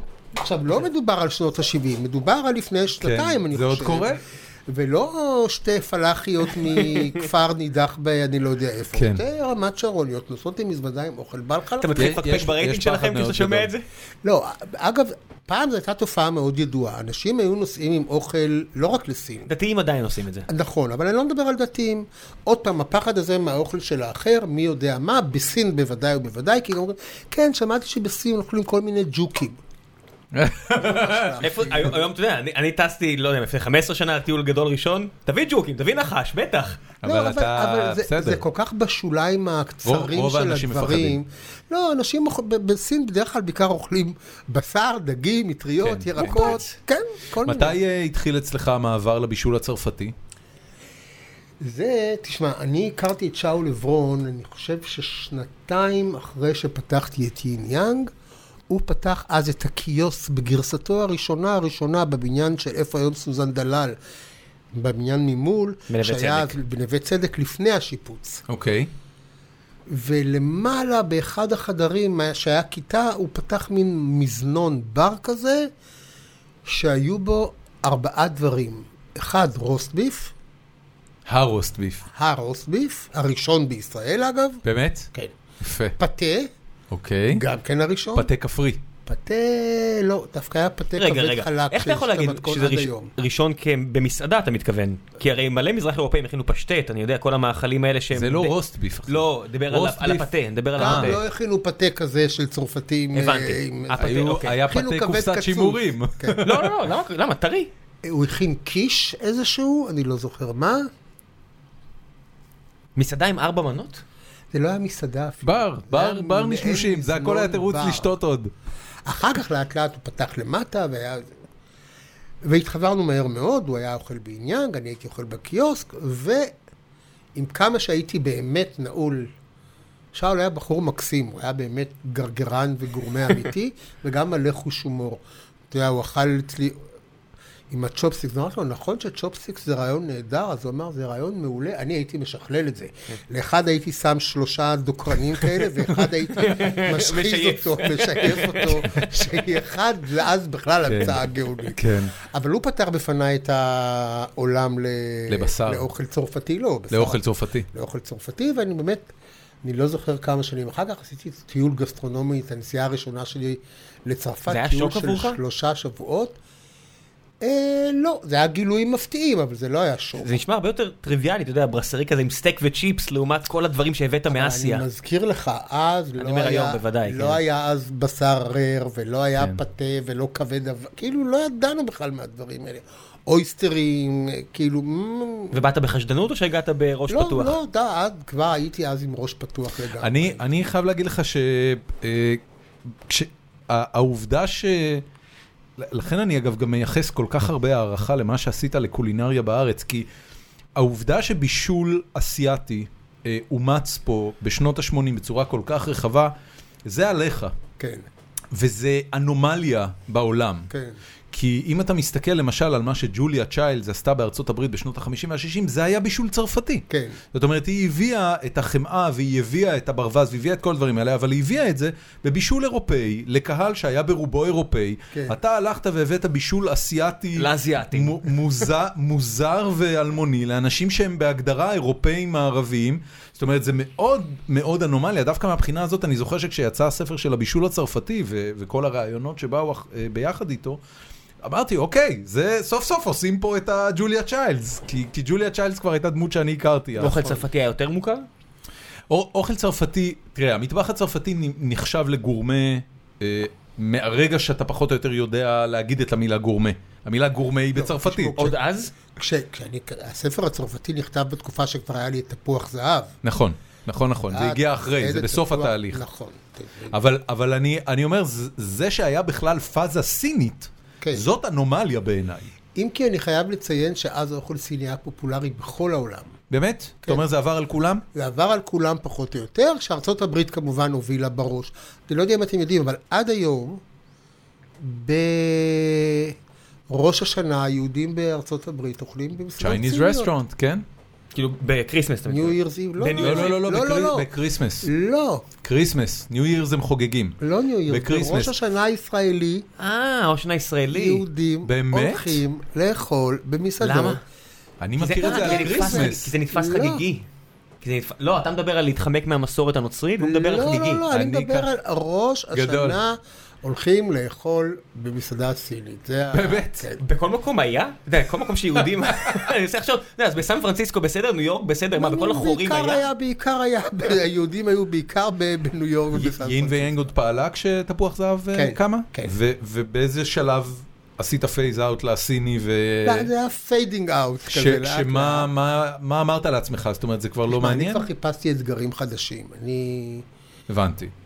רצית לעבור הלאה. רציתי לעבור הלאה. והצרפתי זה באמת במקרה בגלל שנחשפת באותו טיול גסטרונומי, באותו מידה זה יכול להיות אני איטלקי, הייתי או... מאוהב- אני הייתי מאוהב אז באוכל צרפתי לגמרי.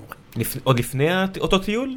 הגעת ב... לא, לא, לא, לא. בג- מאותה בגלל- הנסיעה הראשונה, ואז הייתי נוסע, נדמה לי שצרפת, היה איזה עשור שהייתי נוסע רק לצרפת, לא נסעתי כמעט לאף מקום אחר בעולם, הייתי מ- אוב- אובססיבי על לא אוקיי, צרפת. היה לך את השיקולים של אה, מחיר של חומרי גלם, כמו שאתה יודע, ישב פה אייל לביא.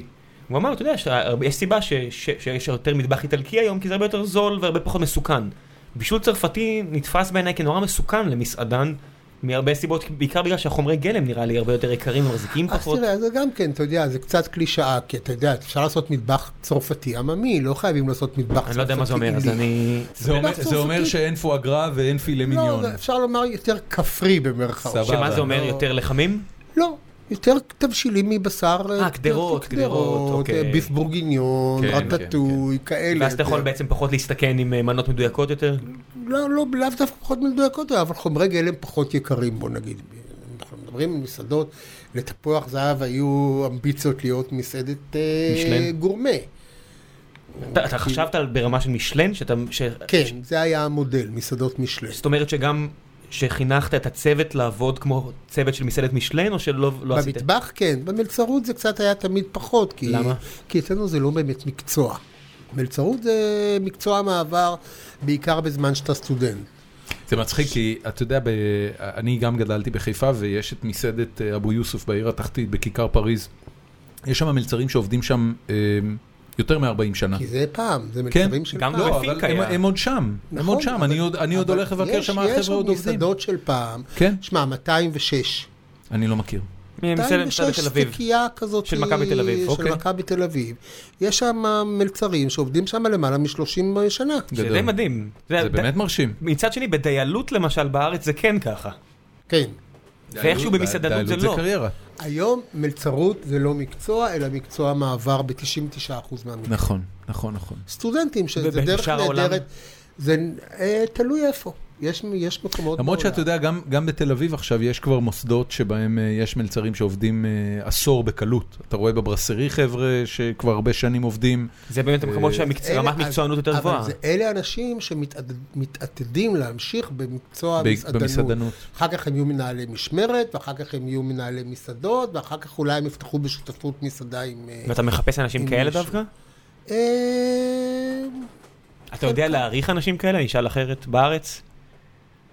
אתה מזהה אה, איש מקצוע יותר טוב? אני אני למשל כאדיוט כן. לא מזהה את זה, אתה יודע. כן, זה- כן. התשובה היא כן, כן. כן. אתה יודע לזהות מלצר, במהלך העבודה. מה אני אתה- מה יודע. אתה מחפש? תסביר לי. מה אתה רואה? מה אתה רואה באמת? לא, תראה, אני, אני מחפש מלצר שהוא יהיה טוב, גם אם הוא אחרי שנה יגמור את הלימודים ויתחיל לעבוד ב- כעורך דין. לא, אתה כן. מחפש, אתה אתה יודע, אני מדי פעם קורא את שגיא כהן, ואני רואה את כל ה... תסל- ויסלחו לי אנשים שיותר מחבבים את זה, את הקשקשת, אתה יודע, שהוא יכול לרכז אה, ארבע פסקאות על זה שהמלצרית אמרה לו חמודי, או משהו כזה, הפמיליאריות, אה, אה, מו- מו- מו- אתה יודע, מוגזמת. אני אומר, זה משהו נגיד לך גם מפריע? אה, תשמע, לדעתי זה נורא תלוי בסוג המסעדה. כאילו צריך, אני חושב שהמלצר צריך להיות קרוב במידה מסוימת ומרוחק במידה מסוימת מהלקוח, כדי שזה יהיה מספיק חביב וקומוניקטיבי מצד אחד, אבל לא סחבקי כי זה לא מדי מסעדה מצד כזאת. שני. אז זה נורא תלוי בסוג המסעדה, כי יש מסעדות, אתה יודע, יש כל המסעדות האיפסטריות האלה המזנון שהמלצר- וכאלה. יושב בכיסא מולך בזמן שהוא מפטפט איתך, שזה כן. כן. בסדר, למ- לז'אנר הזה זה בסדר גמור. לך זה אתה יודע. מרגיז שאתה מגיע? נכון. ממש זה לא לא. נתפס בעיניך כזילות? ממש לא, ממש לא. לא, כשזה אני עובד, זה חושב- עובד. לא, זה לא רק שעובד, תראו. בכלל, כל חוויית האכילה בארץ גם כן התרחבה ופרצה גבולות. פעם היו שלושה סוגי, היה מסעדות, בתי קפה וברים. בבתי קפה שתית קפה או תה ועוגה, לא היה אוכל בבתי קפה של פעם. בברים שתית אלכוהול ואכלת זיתים ובוטנים, ובמסעדות אכלת אוכל. לאט לאט עם השנים הכל נפרץ. היום בבתי קפה אתה גם אוכל וגם יש בר, ובבר יש גם אוכל וגם קפה, ובמסעדה יש גם בר וגם נכון, קפה. כי פתאום יש קוקטיילים ויש... אה, לא. ויש היום אוכל רחוב ואוכל זה, וכל הטווח של אה, אה, אופציות האכילה התרחב ו... ונהיה מין אה, היתוך של ז'אנרים באופן, עכשיו זה נורא תלוי באיזה מסעדה ואליה אני מכוונת, ואיזה אווירה, ואיזה מחירים, ואיזה אוכל. תגיד, באיזה נקודה הכרת את גידי? אה, עם, עם תחילת התוכנית. אה, לא אני- לפני? אני אני אספר למי שמאזין לנו וגר על הכרנו הירח. היכרות קלושה ברמה של שלום שלום בפעם בשלוש וחצי שנים. אז למי- שנפגשנו. למי עלה הרעיון המבריק לשדך? אני לא- רגע, רגע, זוכר. למי שלא מכיר, אה, תוכנית בוא תספר. כן, אה, אתה וגידי מה עושים זה כבר... למי אה, שלא מכיר? אז זה מה סליחה. שהוא אמר, מי תקשיב, יש שחי על לנו- הירח. יש לנו מאזינים בחו"ל. אה, חרדים, ונכון, ו- ויש לנו מאזינים מהמגזר החרדי. אה, אתם כבר, מה, עשור עושים את זה? לא, שבע שנים. שבע שנים. אה, בעצם עושים אה, תוכניות סוג של ריאליטי, דוקו ריאליטי, תרבות מה תרבות, שנקרא. זה תוכנית תרבות נקרא למה, לזה. איפה, מה- מה הריאליטי פה? אה, זה באמת התגובות שלכם. זה לא שעשועון, זה כאילו, אתה יודע, כן, זה זה... דוקומנטרי, תראה, איך אתה קורא לזה? אני חושב שזו ס- סדרה דוקומנטרית. מצוין. ש- לא, אני אגיד לך מה, בדרך כלל יש כאלה שיעקמו את האף להגדרה הזאת, כי- כי דוקומנטרי בדרך כלל נע על הטווח, קודם כל זה תמיד נורא רציני. פסק. לא, גם- גם בזה יש לו מנעד גדול, אני לא... נכון, אבל זהו, פעם, די. אם זה לא יחסי יהודים ערבים או אימהות חד-הוריות, כן. או משפחה חדשה, אז זה לא מספיק דוקומנטרי. בסדר, זה אותם אנשים עם אבקת מרק, בוא נשאיר נכון. אותם בצד. אז אני חושב שהדוקומנטרי הוא יכול להיות גם משעשע וגם מצחיק וגם... אה, אז זה סדרת תוכניות דוקומנטריות שהתחילה מזה שקודם כל לגידי הייתה סדרה משלו. נכון. של גידי אוהב לאכול, נכון, שהוא היה שהייתה מסתובב. סדרה מקסימה. בערוץ 8 מאוד אהבתי, אה, אה, נכון. עשה את זה כמה עונות, נכון. לדעתי 4 או 5, היה נכון. מסתובב בארץ בכל מיני נכון. מקומות, ואז באיזושהי נקודה שידכו ביניכם והתחלתם לעשות את זה ביחד, נכון. כשאתה, אה, גידי הוא גידי, הוא ה... ואני הוא אני. ו- ואתה, ואתה מביא את כל, ה, את כל הגרביטס המקצועי והקולינרי ומלמד אותו הבור והגרגרן. תשמע, הוא אמר לי פעם, גיל- אמר לי, מה התפקיד שלי? אמרתי, גידי, התפקיד שלך זה לבוא, זה הכל. נכון, זה נכון. פשוט תבוא, ותהיה אתה. אתה מתכונן לא צריך לעשות שום לתוכניות דבר. האלה? תראה, אני... אתה צריך לקרוא על המקומות לפני שאתה... אני, אני יוצר הסדרה, אתה יודע, הבנתי, אני אחראי על אוקיי. התחקירים. הבנתי. אני, מה שנקרא, מפזר את התחקירים אצל האנשים שהוא... זה... כמה זמן לוקח לעבוד על עונה, נניח? תראה, החלק הכי גדול של הצילומים זה התחקירים, של התוכניות זה התחקירים. מה, כן. לוקיישנים? זה הכי- לא, לא, זה לא רק לוקיישנים, קודם כל מה הרעיון שלנו, מה הקונספט, מה אנחנו רוצים לצלם. אוקיי, למי שלא מכיר, עשיתם תוכנית על דרך המשי, ועשיתם דרך תוכניות המשי, שירה, יש לנו עושים על סדרות. דרך המשי. לזה אני מתכוון. ועכשיו כאילו, התוכנית, התוכנית האחרונה שצילמנו, הנושא שלה זה מטבחי הים התיכון, שגם כן, אני תמיד צריך שיהיה לי רעיון. ואז אני, הוא מתפתח, כי אני, למ- כל הרעיון על הסדרה, על- אה, לסדרה על מטבחי הים התיכון, התחיל מזה שאני שונא נורא שאומרים מטבח ים תיכוני. אין מטבח ים תיכוני. יש זה 20 מדינות. לפחות 20 מטבחים ים תיכוניים שונים, אלה מאלה, מובחנים, מזוהים, שכל אחד מהם הוא תולדה של התרבות בה הוא צמח. ויחד עם זה, בכל זאת מעניין לבדוק מה המשותף להם, עצם הישיבה סביב הים התיכון מה משותף לאלג'יראי? לא, ל- ל- זיתים, התשובה היא זיתים. לא, התשובה היא, התשובה היא, אז זה הם דווקא כולם נורא עם זיתים. מעניין. לא, אז אני אומר שהם כולם עם הרבה יותר דברים. למשל, חיטה. חיטה מקורה נכון. בעולם הוא בצד שלנו של הים בירדן, התיכון. כן. לא, ארץ ישראל, כן, כן. מצרים, נכון, אה, מספ- אה, הסהר הפורה, הסהר הפורה. מסופוטמיה. כן. שם ביטלו לראשונה את החיטה, וכל הסיפור של החיטה, שהיום זה אולי הדגן הנפוץ ביותר בעולם, התחיל משם, וזה באמת, אתה, כשאתה עובר סביב הים התיכון ואתה בודק את נושא כמו חיטה, אתה מקבל מופעים מרהיבים של חיטה, לא רק לחמים זה כמובן, אבל חיטה באמת, יש פסטה, לחמים, בצקים שונים ומשונים, אבל גם חיטה לפני שהיא תכונה לקמח. כן, כן. בורגול למשל, נכון. פריקה למשל, חיטה שלמה ליוונים? למשל. מה, בקטע של לחמים? לחמים? בקשר אין לחיטה. קודם כל ג'יירו, לחמים. לא, קודם אוכל כל, רחוב, כל... וכל הלחמים. הלחם. לא, לפני, לפני, מה היה מה להם? זה לפני? לא יודע, נגיד 200 שנה אחורה, מה היה ביוון שקשור מה אתה מדבר? לחיטה? לחמים. אותו דבר, לחם. לחמים? כן, כן. לחמים אנחנו מדברים על, על אלפי שנים, שהחיטה, ה- ה- החיטה בוטה בצד. עכשיו, כל מה שאנחנו קוראים שבעת המינים, זית, גפן, תאנה, רימון, אבל יותר מזה, למשל, הבהמה של הים התיכון זה צאן. כן. צאן גם לבשר, גם למוצרי החלב, יוגורט, כל הדברים נכון, האלה. כל הדברים האלה, חומוס למשל. נכון. חומוס, אתה מסתכל מה עושים סביב הים התיכון מהגרגיר הזה, זה מרהיב מה שעושים, אנחנו מכירים את המשחה הזאת שאנחנו נוגעים, אבל יש... כן. עכשיו, גם כן, אתה אומר, יש לנו גם פרק יפהפה בישראל, מה, רגע, מה עושים עם חומוס חוץ מחומוס? תכף אני אספר לך, אבל אוקיי. למשל, כל דבר שאתה עושה מקטניה עושים. כולנו, אנחנו אומה של אובססיית חומוס אחת גדולה. אתה ראית פעם איך נראה שיא החומוס? לא. אתה ראית פעם איך נראה שיא החומוס? כן, אני ראיתי את זה, ולמעשה אז לאחרונה... אתה מהנדירים. כי, לא, לא, כי אני אגיד לך למה, יש כזה אייטמים אה, אינטרנטיים ויראליים, אז התחיל לרוץ איזה אייטם כזה של אה, מזונות שלא תאמינו איך הם נראים כשהם גדלים.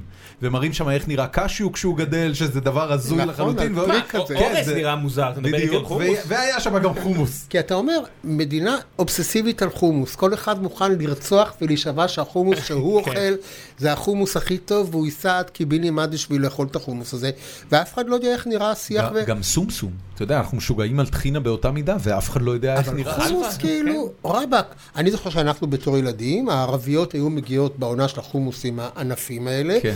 והערבים היו, זה דרך נהדרת לאכול את זה, שמים את זה על מדורה, קולים את זה על מדורה, את השיח מה, כולו. את השיח הוא לא נשרף? הוא קצת לא, הוא קצת נסתסם את זה נשרף. ככה, והגרגירים הירוקים שהם בפולין כאלה, ב- אה, נחרכים ונהיים מעושנים קלות, ואתה אוכל את זה ככה מה- כבר אני רעב. מהשיח, זה מדהים. אתה עשיתם את זה משהו פעם? עם גרגר... איזוש- איזושהי אז קודם מנה כל של- בסדרה אנחנו מראים, אה, זו עונה קצרה יחסית. מה זה אומר? מספר פרקים? חמישה פרקים, ארבעה פרקים. לא, לא, העונה קצרה של החומוס. אה, אז אוקיי. אנחנו- אנחנו התוכנית. אז אנחנו מראים שדה חומוס, ומה, ואנחנו שורפים אותם על מדורה ואוכלים. כאילו, בעיניי זה אבסורד שאנחנו לא יודעים, שרוב האנשים, 95% מהאנשים בארץ לא יודעים אבל אנחנו איך נראה. מנותקים כי- לגמרי כי מהאוכל הכל- שלנו. הכל מגיע יבש, זה לא, זה בכלל לא עניין, אתה יודע, אנחנו מכ- אנחנו מאוד מאוד רחוקים מהגידול של הדברים. מהכל, אנחנו מבשר, מצמחים, אנחנו- מהכל. לא, אנחנו לא, קצת אתה קרובים יודע לגידול איך של נראה. ירקות אתה גינה, בסדר, אבל אתה בזה יודע זה נגמר. ירקות גינה וזה, אבל קטניות בעיניי לא מגדלים זה בבית. לא הגיוני שאנחנו לא יודעים איך נראה צמח חומוס כן, בתור אני- אני אומת עכשיו בודק בוויקיפדיה, בגלל שאתה מדבר. הוא- ראם- ראם אה, ישר קולט ממך את הביקורתיות והולך לסגור פערי ידע. לא, זה, זה נורא מצחיק אותי, זה כאילו. באמת ככה? אז יש דברים נורא מעניינים מחומוס ב- מסביב העולם. אבל- ו- ו- ובחומוס, כשאני נכנס לוויקיפדיה, יש רק תמונות של מנת אה. חומוס. באמת? אני- אני אני מחפש... לא, טוב, תכתוב, תכתוב חומוס תכתוב, ירוק. בדיוק. אתה מבין, אני צריך חומוס להתאמץ. צמח, לא, אני צריך- יש. אני צריך או להתאמץ. צמח. כי- עכשיו, זה מעניין לראות באמת איך ההיסטוריה של הים התיכון, של כיבושים ומסעות וזה, איזה באמת דוגמה מאלפת בעיניי. אה, כי זה למשל, נקרא חמצה. חמצה, חמצה. נכון. אוקיי, לא ידעתי בכלל שזה... חמצה, אוקיי, נכון. חמצה. וואו, הבורות שלי חמצה זה מדהימה. פה. השם העברי התקני. למשל, ספרד. כן. מטבח, ספ- אנחנו אומרים מטבח ספרדי, מטבח ספרדי, מטבח ספרדי. בספרד קרה דבר ששינה את פני ההיסטוריה הקולינרית של, העול, של הים התיכון בכלל ושל העולם כולו. שני דברים מעניינים קרו באותה שנה ובאותו מקום. ארמון אלהמברה, אתם יודעים? בגרנדה? כן. אוקיי. בארמון אלהמברה באותה שנה, נדמה לי 1482, אם אני לא טועה, אה, שמונה קרו שני שנים לפני דברים ש... ששינו. לא, אחד. 96. אחד, גירוש יהודי ספרד, נכון. שגירוש יהודי ספרד, שהם באמת ספרד הלכו זה 92, לא? לכל אורכו של הים התיכון והגיעו עד טורקיה, מרכז אסיה, מרוקו וכולי, הם הרמון, לקחו איתם המון מהמטבחים, למשל, מי שהביא חצילים לספרד היו המורים המוסלמים, ומי שהפיץ אותם אחר כך בגירוש ספרד בכל אזורי הים התיכון, זה היו יהודים עם גירוש מה המקור שלהם? עם, גו- מהודו, אה, גירוש ספרד. באותה שנה של גירוש ספרד יצא הצו המלכותי שנותן לקולומבוס לנסוע לארצות הברית, כן. ועם גילוי ארצות הברית מגיע אמריקה. חומרי הגלם החדשים, אמריקה, עגבניות למשל. כן. עגבניות, תפוחי בוטנים. אדמה, פלפלים, צ'ילים, מתוקים, דלעת. חריפים, דלעת, שנכנסו קודם כל לספרד, ו- אז שני האירועים ההיסטוריים האלה, גירוש ספרד מצד אחד, וגילוי אמריקה מצד שני, שינו את פני הגסטרונומיה. אתה יכול, אתם יכולים לדמיין לכם מטבח איטלקי בלי עגבניות? או או בלי, כן, אתה יודע, הכל הגיע עד אליהם. לפני 400 שנה המטבח האיטלקי היה נטול עגבנייה מה היה? אחת. מה היה שם? הכל חוץ היה מעגבניות. מה- היה מה שגדל בים אתם התיכון. יכולים לתאר, בדיוק, אתם יכולים לתאר לכם את המטבח ההודי או התאילנדי או המרוקאי בלי פלפלים חריפים? גדול. אתם יכולים לתאר את המטבח האירי בלי תפוחי אדמה? עד לפני 400 שנה הדברים האלה לא קי- לא היו קיימים במטבחים נכון. רגע, האלה. לצפון אפריקה היהודים הביאו את כל הדברים? חלק גדול הגיעו, היו... הם לא סחרו ביניהם? הרי אם זה היה כל... גם- זה היה- קודם כל המוסלמים היה- הרי עלו מלמטה. קודם כל, זה- מלמטה. אז היו המון- אז היו בה המון תקופות, אבל בגירוש ספרד הגיעו המון יהודים למרוקו. כן. ו... מה שנקרא אוכל מרוקאי ב- ב- ב- בישראל, זה באמת אוכל מרוקאי או אוכל יהודי מרוקאי? בעיקרו אוכל יהודי מרוקאי. שוב, ת- אני רוצה להזכיר לכם, כשהגיעו העליות, אז המטבחים שאותם הם הביאו, אה, קיבלו מין דאונגרייד כזה, כי לא היה הרבה דברים. למשל, נגיד במרוקו, דגים טריים, שפע של דגים טריים היה במרוקו, כבש. לא היה את זה, אז הם אה, נאלצו חיימה לחפש... זה הטו- אך, בגלל- חיימה הוא חיימה בארץ עם הדגים של נסיכת הנילוס או לוקוס, או לא יודע, בגלל שזה מה שהיה בארץ? ל- לא, זה- לא. זה- אין לזה שום קשר למרוקו עצמה. הדבר היחידי שאתה יכול להגיד שמאפיין זה באמת אה, הב- אה, אה? הטיבול? טיבול רב. וואלה. וטכניקות ו- בישול בדיוק. ותפיסות בישול. אה, הרבה מחומרי הגלם ב- של ארצות המוצא לא היו קיימים פה, והם נאלצו להשתמש בתחליפים. חוץ מרוסים ששודרגו. למשל מרגרינה. מרגרינה לא היה, לא במרוקו, לא כן. בבוכרה, לא בטורקיה, היה חמאה. או שמן, או שומן אווז, או שומן כבש, תלוי באיזה מדינה, נכון. כן. או חמאה. נגיד הג'חנון התימני, בחיים לא עשו אותו ממרגרינה בתימן, לא היה בתימן מרגרינה. כן, תעשה היו אגב עושים את זה, פעם, אה, היו עושים את זה מסמנה, שזה סמנה. חמאה מזוקקת, וזה טעים אתה מבין תעשה- במיליון. תעשה- אתה מבין פעם- שמלאווח מהדבר הזה, זה מיד לוקחים אותך תראי, לקרדיולוגיה. ג'- ג'- אה, ג'חנון, אני אני עשיתי פעם אחת בבית אה, ג'חנון עם אה, חמאה מזוקקת. זה מדהים, זה עולם אחר. זה לא שמונה שעות עבודה? זה שמונה זה שעות- ממש לא- זה זה שמונה לא שעות שמונה עבודה עם מרגרינה באותה מידה, מרגרינה כן, לא זה לא- לא, מקצרת אני סתם- אין אני לזה סתם תהליך. בהלם זה- מזה שהוא זה לא עושה באמת בעצם. שמונה שעות עבודה. מרגרינה, הפתרון של מרגרינה, המרגרינה נתנה שני דברים שהיו נחוצים באותה תקופה. א', זה היה יותר זול מחמאה, כאילו חמאה היה דבר יקר וחגיגי, וב', זה נתן פתרון לכשרות. נכון. אתה יכול לשים במקום חמאה, שזה חלבי, מרגרינה, ואז ואז אתה זה יכול- לא. עם בשרי. ואז אתה יכול לאכול את זה עם בשר. אתה נשאר פרווה. החמאה הייתה פתרון מצוין גם לתקציב וגם לענייני לא, הכשרות. אפילו בפריז היום אתה רואה טוב, כאילו ת- כבר מאפיות תקשיב, עם מרגרינה. אה, טוב, בכל פרק אה, בחצי שעה האחרונה אה, אנחנו שואלים שאלות מהקהל. אתמול פרסמנו בפורום שלנו, שנקרא פורום החיים עצמם של גיקונומי, שאתה הולך להתארח אצלנו, מבול משוגע של שאלות. בוא נתחיל אה, ואתה תמשיך. אני, כן, תתחיל, למה לא? גלעד דרוק שואל, למה אין מסעדות קוריאניות בארץ? אני חושב שזה יגיע, אני חושב שהאוכל קוריאני הוא אוכל נפלא. כמו שעד לא מזמן, עד לפני כמה מה- שנים, מה לא- זה אוכל קוריאני?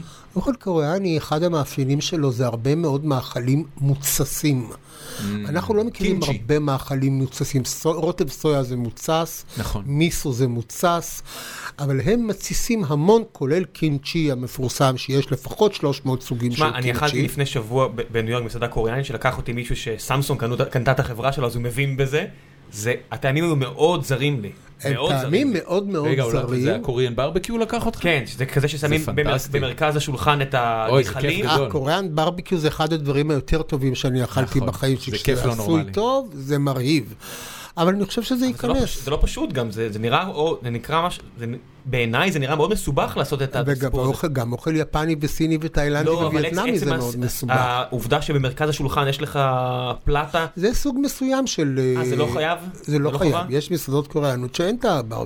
זה מסעדות ספציפיות של זה ברביקיו. נקרא קוריאן ברבקיו. כן. היה לנו אה, עובד בחברה הקודמת שהיה בחילופי סטודנטים חצי שנה בסאול, והוא ח- מ- הוא כבר מן הסתם הגיע אחרי, והוא אמר שמאז הוא לא יכול לאכול שום אוכל אחר, שרק הוא נראה לו זה- האוכל טפל. קוריאני הוא אוכל נפלא, הוא באמת עז טעמים. הוא יכול להיות חריף נורא, יש להם דבר שנקרא גו-צ'ו, שזה משחת צ'ילי מוצסת, שזה דבר מדהים. מה זה אומר מוצס? ל- למה אין את זה בארץ? מה זה אומר מוצ- מוצס? מוצס זה אומר שאתה נותן לו בראמן, להירקב. בראמן אצלי ב- יש מרק גו-צ'ו, באמת? כן. מה עם זה ה- אומר? אה. מה זה עושה בעצם לטעמים שזה זה גם מוצס? נותן מין חריפות, אבל זה גם כמו מיסו, זה נותן מין עומק מעניין נראה לי כן, כזה. אנחנו הולכים אחרי זה עכשיו, לראמן פה. אה, לפני איזה שנתיים-שלוש, ארגון הבריאות העולמי הכריז על אוכל מוצס כאוכל הבריא ביותר. למה? מה? מה? כי אה, הוא כל מפרק. מיני מפרק, מפרק. ויש כל מיני... מה זה אומר מפרק? איך אמרתם את זה? אני לא יודע. יש אה. בזה כל מיני ח- ח- חיידקים או כאלה שעושים... התססה של אוכל היא בעצם התהליך של אה, גבינה? אה, לתת לחיידקים לבצע בהם את הפעולה המגונה שלהם. אה, אחד מתוצרי הלוואי של זה זה התפתחות של אלכוהול. זאת אומרת, כשיש התססה אז שמרים אה, פשוט פולטים אלכוהול, אה, ובמקרה של חיידקים אחרים אז זה פשוט נייצר איזושהי דרגת פירוק של המזון. זה לא נעים להגיד, אבל זה אוכל קצת רקוב. אבל הוא רקוב בצורה טובה. אז תסיסה אתה יכול למצוא, קודם כל, אה, אה, בירה היא משקה מוצס, בסופו של נכון. דבר זה מה שמייצר או בו. לחם, מחמצת. בדיוק, מחמצת שיעור זה סוג של התססה, כל דבר שאתה נותן לחיידקים ושמרים אבל הם מהאוויר אלופי לעשות. העולם באוכל מוצס. קוריאנים? בואו זה נמשיך. מאוד שונה משאר ה... מה- אגב, חו- חוץ מהראמן בשרונה, יש לך היום עוד מסעדות פעילות? יש לי ראמן ברחוב לבונטין, הבנתי. אוקיי, אבל זה עוד אותו- לא- זה בוא- אותו סגנון. קצת יותר רחב, אוקיי. כי זה כבר לא דוכן, זה כאילו מסעדה ממש. אמ, שאלה של רמי וייברמן, בתור אחד שלומד בימים אלה לבשל לעצמו, אשמח למענה על השאלות הבאות. אחד, מנסים לדחוף לנו מלא ציוד ואני מרגיש שרובו לא הכרחי, על איזה כלים אתה ממליץ לבשלן המתחיל? וואו, זו שאלה מאוד רחבה. לא, קודם כל, בשנים האמיתיים יש להם פטיש, יש, לי- יש לי בבית פי 40 סכינים ממה שאני צריך, פי 10 מחבטות ממה שאני צריך, ופי 20 גאדג'טים ממה שאני באמת צריך. אבל זה גדול. חלק מהפטיש של הדבר. זה אני הכיף, אתה אומר. מת על גא... אני למשל לא, כשאני רוצה לקנות מחבת, אומרים לי, זה מחבת לכל החיים, אני אומר, אני לא מעוניין במחבת לכל החיים, אני רוצה מחבת שצריך להחליף אותה כל שנתיים. יפה לך. אני רוצה את החידושים החדשים, לא רוצה להישאר תקוע עם אותה מחבת 20 שנה, אבל מחבתות טובות למשל, שניים, שלוש מחבתות טובות. מה זה, מה זה תודה. מחבת טובה? אה, של- מחבת עם תחתית עבה? עבה לא, עשויה מחומר. טפלון או לא טוב. טפלון? אפשר, אפשר אני טפלון, אוהב, אתה כן. לא, אין לך עניין. סכינים טובות, אה, גאדג'טס שאני נורא אוהב, אבל זה באמת לא תמיד הכרחי, כל מיני קולפנים ומנדולינות וכאלה. אני, רמי, אה, אני אמליץ לך, אה, יש אה, אה, שף, אני לא יודע אם הוא שף, אבל הוא כוכב טלוויזיה בפוד צ'אנל האמריקאי שנקרא אלטון בראון, שיש לו אה, סדרה שנקראת Good Eats. אתה מכיר את אלטון? לא. אז הוא, הוא קודם כל לא מכנה את עצמו שף, אלא, good, אלא food technician. אוקיי. ומה שהוא עושה, יש לו תוכנית שנקראת Good Eats, שכבר רצה לדעתי יותר מעשור.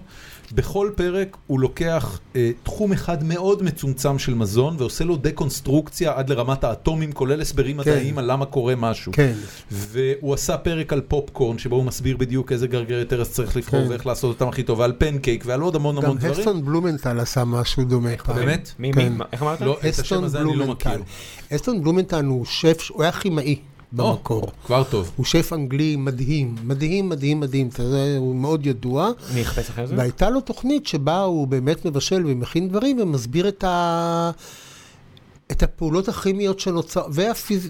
זה תמיד עניין אותך, הדברים האלו? האמת שפחות, זה לא נורא מעניין אותי, זה מעניין לראות, אבל זה לא, זה לא מה שמדליק אותי. אוקיי. זאת אומרת, כל הגישה הזאת של בישול מולקולרי ודברים כאלה, לא עושה לך את זה. לא עושה לי את זה בתור טבח, אני כן, יכול אני- אני... לאכול את זה בשמחה רבה, אבל... כסועד, זה מה- כן מעניין אותך? מה הארוחה הכי טובה שאתה זוכר שאכלת בשנה האחרונה, נגיד? או מנה אני לא אפילו. יודע להגיד לך דברים כאלה בחיי.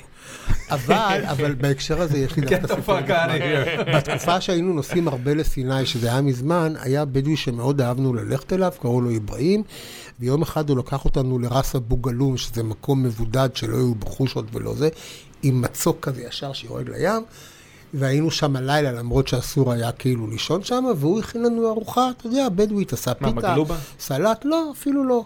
הוא כמה דגים מהים, שם ישר על הגריל, סטיגמות. עשה סלט וזה וזה. ארוחה לא באמת בגלובה. פשוטה, אבל היה נורא יפה ונורא כיף. ואז הוא אמר לי, הכרנו שנים כבר, הוא אמר לי, אהרוני, אמרו לי, אתה מיליונר, זה נכון? עכשיו, אתה יודע, אין דרך לצאת מזה, אני לא, אני לא מיליונר, אני לא מתקרב לזה לצערי. עובד קשה עמית, בסדר. אבל, אבל, אתה יודע, לך תענה לו בכלל, כי אני לא יודע מה הסטנדרטים, ש- אולי יחסית אליו, אני, אני לא יודע. ואז אמרתי לו, תשמע, זה נכון, שנתיים לפני כן הייתי בארוחה בארמון בקינגהם. היה התזמורת הפילהרמונית, עשתה איזה ערב גאלה, ואני דווקא הייתי, נשלחתי כעיתונאי להיות, לסקר את האירוע, והייתי בארוחת ערב בארמון בקינגהם. עכשיו אני מתאר לו את הארוחה, את האנשים עם היהלומים והשמלות, והסכו"ם מצופה זהב, והכוסות קריסטל, והמלצרים עם הכפפות, ואני מתאר לו, והוא יושב... פעור פה, ואני אומר לו, והארוחה אצלך עכשיו הייתה יותר טעימה. זה היה נכון? זה בוודאות היה רגע, נכון. רגע, והוא אומר, וואו. אחר כך אשתי אומרת לי, תגיד, אתה עומד מאחורי האמירה הזאת? אני אומר לה, לגמרי. כי תלוי בהקשר. סליחה, בארמון בקינגהם, בארוחה עם נסיך אמו ועם הרוזנים האלה והאלה, אני מצפה, הארוחה הייתה גרועה יחסית לארמון בקינגהם, אני מצטער. מה זה אומר? וההוא- מה זה אומר? היה פתה ירקות בשלושה צבעים גרוע, היה צלעות טלה מבושלות עד מוות, עם רוטב מנטה אידיוטי. זה הכל. היה כאילו זה. ב- אני, סליחה, אני בארמון בקינגהם, סכו"ם זהב וזה וזה, תביאו ארוחה. קראת לשף? הסברת לו? לא, היה ש- 400 איש אכלו אז. טוב, זה מסובך להכין מה ארוחה. אוקיי. לא, אה, לא, לא מקבל. אין וההוא, תירוצים. וההוא בסיני על החול. היינו עם- בחתונה של נמרודי, אחי, זה לא היו מסובך. בסיני על החול עם מדורה, עם שניים וחצי דברים, עשה ארוחה יותר טובה. מקבל את- אני אני מקבל את ההערה. ממש מקבל את זה. טוב, אמ, נמשיך רגע. אה, איזה עוף- איזה עוד מתכונים יש לך על שם בני משפחה חוץ מעוף תמרה? רק, רק עוף תמרה, כי תמרה פעם, כשהייתה קטנה, היא המציאה רוטב של עוף, בספונטניות, שהיה, אה, מה מרכיב את הרוטב? אז היה בו כוסברה, שום, פלפל ירוק חריף, מיץ לימון, שמן זית, נדמה לי גרגירי זה- כמון, זה גר- גרסת פסטו. אבל אחרת. כן. והיא באמת ריסקה את זה, היא שרתה בזה עוף. איזה עוף? ושמה כאילו את זה, קרעיים? קרעיים, כן, קרעיים. ושמה את זה בתנור ויצא מדהים. יפה. אמ, תומר ישראל כותב, יו, פשוט תדברו מלא על אהרוני וגידי, זה פשוט הטלוויזיה הכי משובחת שעשו בארץ. אה, איזה אוכל רחוב בארץ אתה הכי אוהב? יהיו הרבה שאלות כאלה לדעתי. מי שאל? אה, זך, זק, תראה, בלסיאנו. אני נורא אוהב פלאפל, אגב. אני הזקנים פחות אוהב בחיפה? סביח. לא, אבל מה מה פלאפל, המספר אחת שלך? פלאפל, אני אגיד לך מה. לדעתי פלאפל צריך שלושה תנאים. כן. להיות טרי, נכון. להיות חם וקרוב לבית. אוקיי, אז יש לך אחד קרוב אז לבית. אה, יש לי אחד פיתה לבנה? קרוב לבית. אה, מה, יש לך בשינקין? אכרם, כן, אכרם. אכרם זה עכשיו, אתה יודע, אה, מצוין. אפשר להגיד, יכול להיות שבטיזל נבי יש פלאפל יותר טוב, אבל אני לא נוסעת לשם. יפה מאוד, fair enough. אה, יניב טננבאום קטן שואל אם אתה סיני. ממש לא. לא, זה לא כזה בוכרי, זה לא... אתה יודע. לא. גיאוגרפית זה לא כזה רחוק. אז זה, אם אתם רגע אחד נותנים לי עוד דקה, כשנסעתי פעם ראשונה לטיוואן ולסין, אני הייתי המום, אני, למשל, פעם ראשונה שראיתי דים סם עם כלי אידוי מבמבוק, נפלתי מתדהמה. זה עדיין מגניב מאוד. כי לאימא שלי היה סיר אידוי גם כן על קומות מאלומיניום כן, אמנם, כן. והיא הייתה עושה כיסונים קטנים, מעודים, אמרתי, אה, זה כמו גושפלה. כן. של אימא שלי. רק, אימא שלי לא שמה חזיר כי הייתה יהודייה כשרה, והסיר שלה לא היה מבמבוק אלא מאלומיניום, אבל הדמיון היה too good to be אתה יודע, הייתי, true, אבל הייתי בקשמיר פעם, ואז הגעתי לג'אמו, שיש שם הרבה פקיסטנים ולא יודע מה, אה, אתה יודע, והם הגישו לי מנה של אה, פלאו. אמרתי, כן. זה פלוב. אמרו לי, לא, זה פלאו. אמרתי, חברים, זה אותו דבר. נכון, אבל זה בדיוק הסיפור של דרך המשי, כי ככל שנסעתי יותר, ראיתי יותר ויותר מאכלים שמאוד הזכירו לי בצורה כזאת או אחרת את המאכלים של אימא שלי, ולא הצלחתי להבין בכלל. ואז כשעשיתי, קצת התחלתי לנבור ול- והבנתי שזה לא מקרי, אז מסתבר שהחוט המקשר בין כל המקומות האלה זה דרך המשי. למשל הפלו שאתה אומר. ה- אז גם מבחינה, אה, אה, גם השפה, הסיפור שאני מספר על האטריות, על דרך המשי, על הפסטה, על דרך המשי, הוא כי אני מתעניין באוכל, אבל אם הייתי עושה, אם הייתי ארכיטקט, הייתי יכול לתת את אותה הרצאה בדיוק, או את אותה תוכנית בדיוק על ארכיטקטורה, או אם הייתי בלשן, הייתי עושה את זה במונחים. למשל, כל הפלו, פילב, פלוב, זה הכל הטיה של אותו דבר ומאכל שעשוי, אותו מאכל שעשוי בגרסאות שונות, תלוי בתוצרים הגיאוגרפיים והתרבותיים כמו, של המקום. כמו גבינות ועוד. בבלקן, יש- ההורים שלי עדיין בטוחים שפטה זה ברינזה גנובה. נכון, אבל זה, אבל זה בדיוק אותו סיפור. זה דברים ש... זה מה שאנחנו... אם אמא בודקים שלי בסדרה מאזינה, על תגיד לה הים- שהיא טועה. לא, היא לא טועה. היא לא טועה, זה גרסה של... זה תמיד גרסאות של אותו דבר. רק הן קצת שונות ממקום למקום. אה, יניב ליבל שואל, מה אתה מכין לעצמך לאכול כשאתה רוצה לפנק את עצמך? כשאני רוצה לפנק את עצמי, אני הולך לאכול אצל אחרים. תשובה זה טובה. ככה מתחיל. אבל כשאני רוצה לפנק את עצמי, מה אני... זה בבית. תלוי, זה אתה- תלוי. אתה מה- עכשיו בבית, אתה לא יכול לצאת. אז אני מסתכל מה יש. הבנתי. ועל פי זה אתה אני יודע עושה... שאני אה, אכלתי אצלך פעם. איפה? בבית. איפה? ב- איך?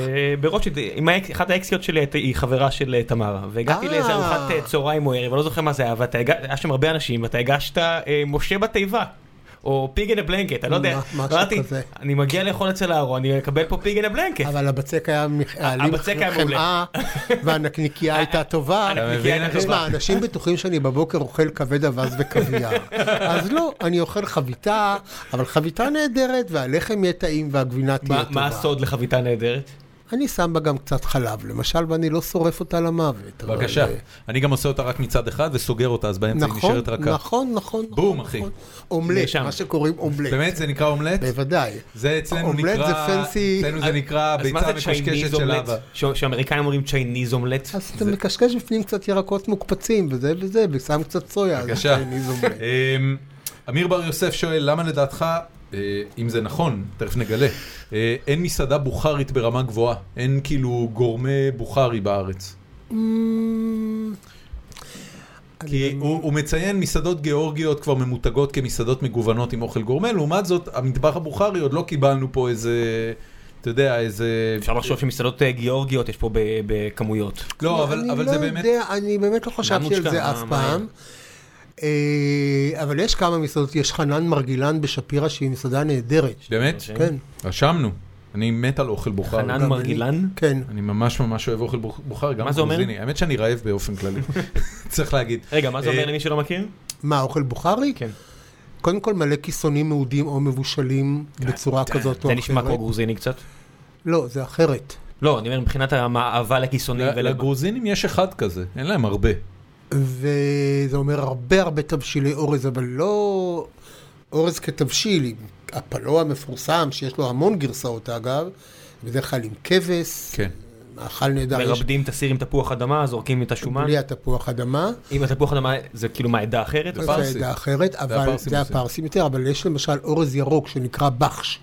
שזה אורז, נדמה לי המון ש... עשבים, אבל המון, המון המון, עשבים. בעיקר כוסברה כן, ושמיר כן, ובצל כן, כן. ירוק. אוי, זה הייתי טוב. בטוח שזה אני איראני. משוגע על זה. לא, לא, לא, זה לא. טעים, פנטסטי. ואחד המאכלים שאני לא מוצא פה במסעדות, זה אימא שלי הייתה עושה, וזה יישמע לכם קצת מוזר, זה דבר שנקרא איספורצ'י, שזה היה נקניקייה ממעיים שממולאת בטחול ושומן כבש. אה. וזה טעים למות. איך אפשר? זה לא נשמע רע. טוב, אה, מיטל אה, שטדלר שואלת, מהי בעיניך התופעה הכי מעושה במסעדנות הישראלית?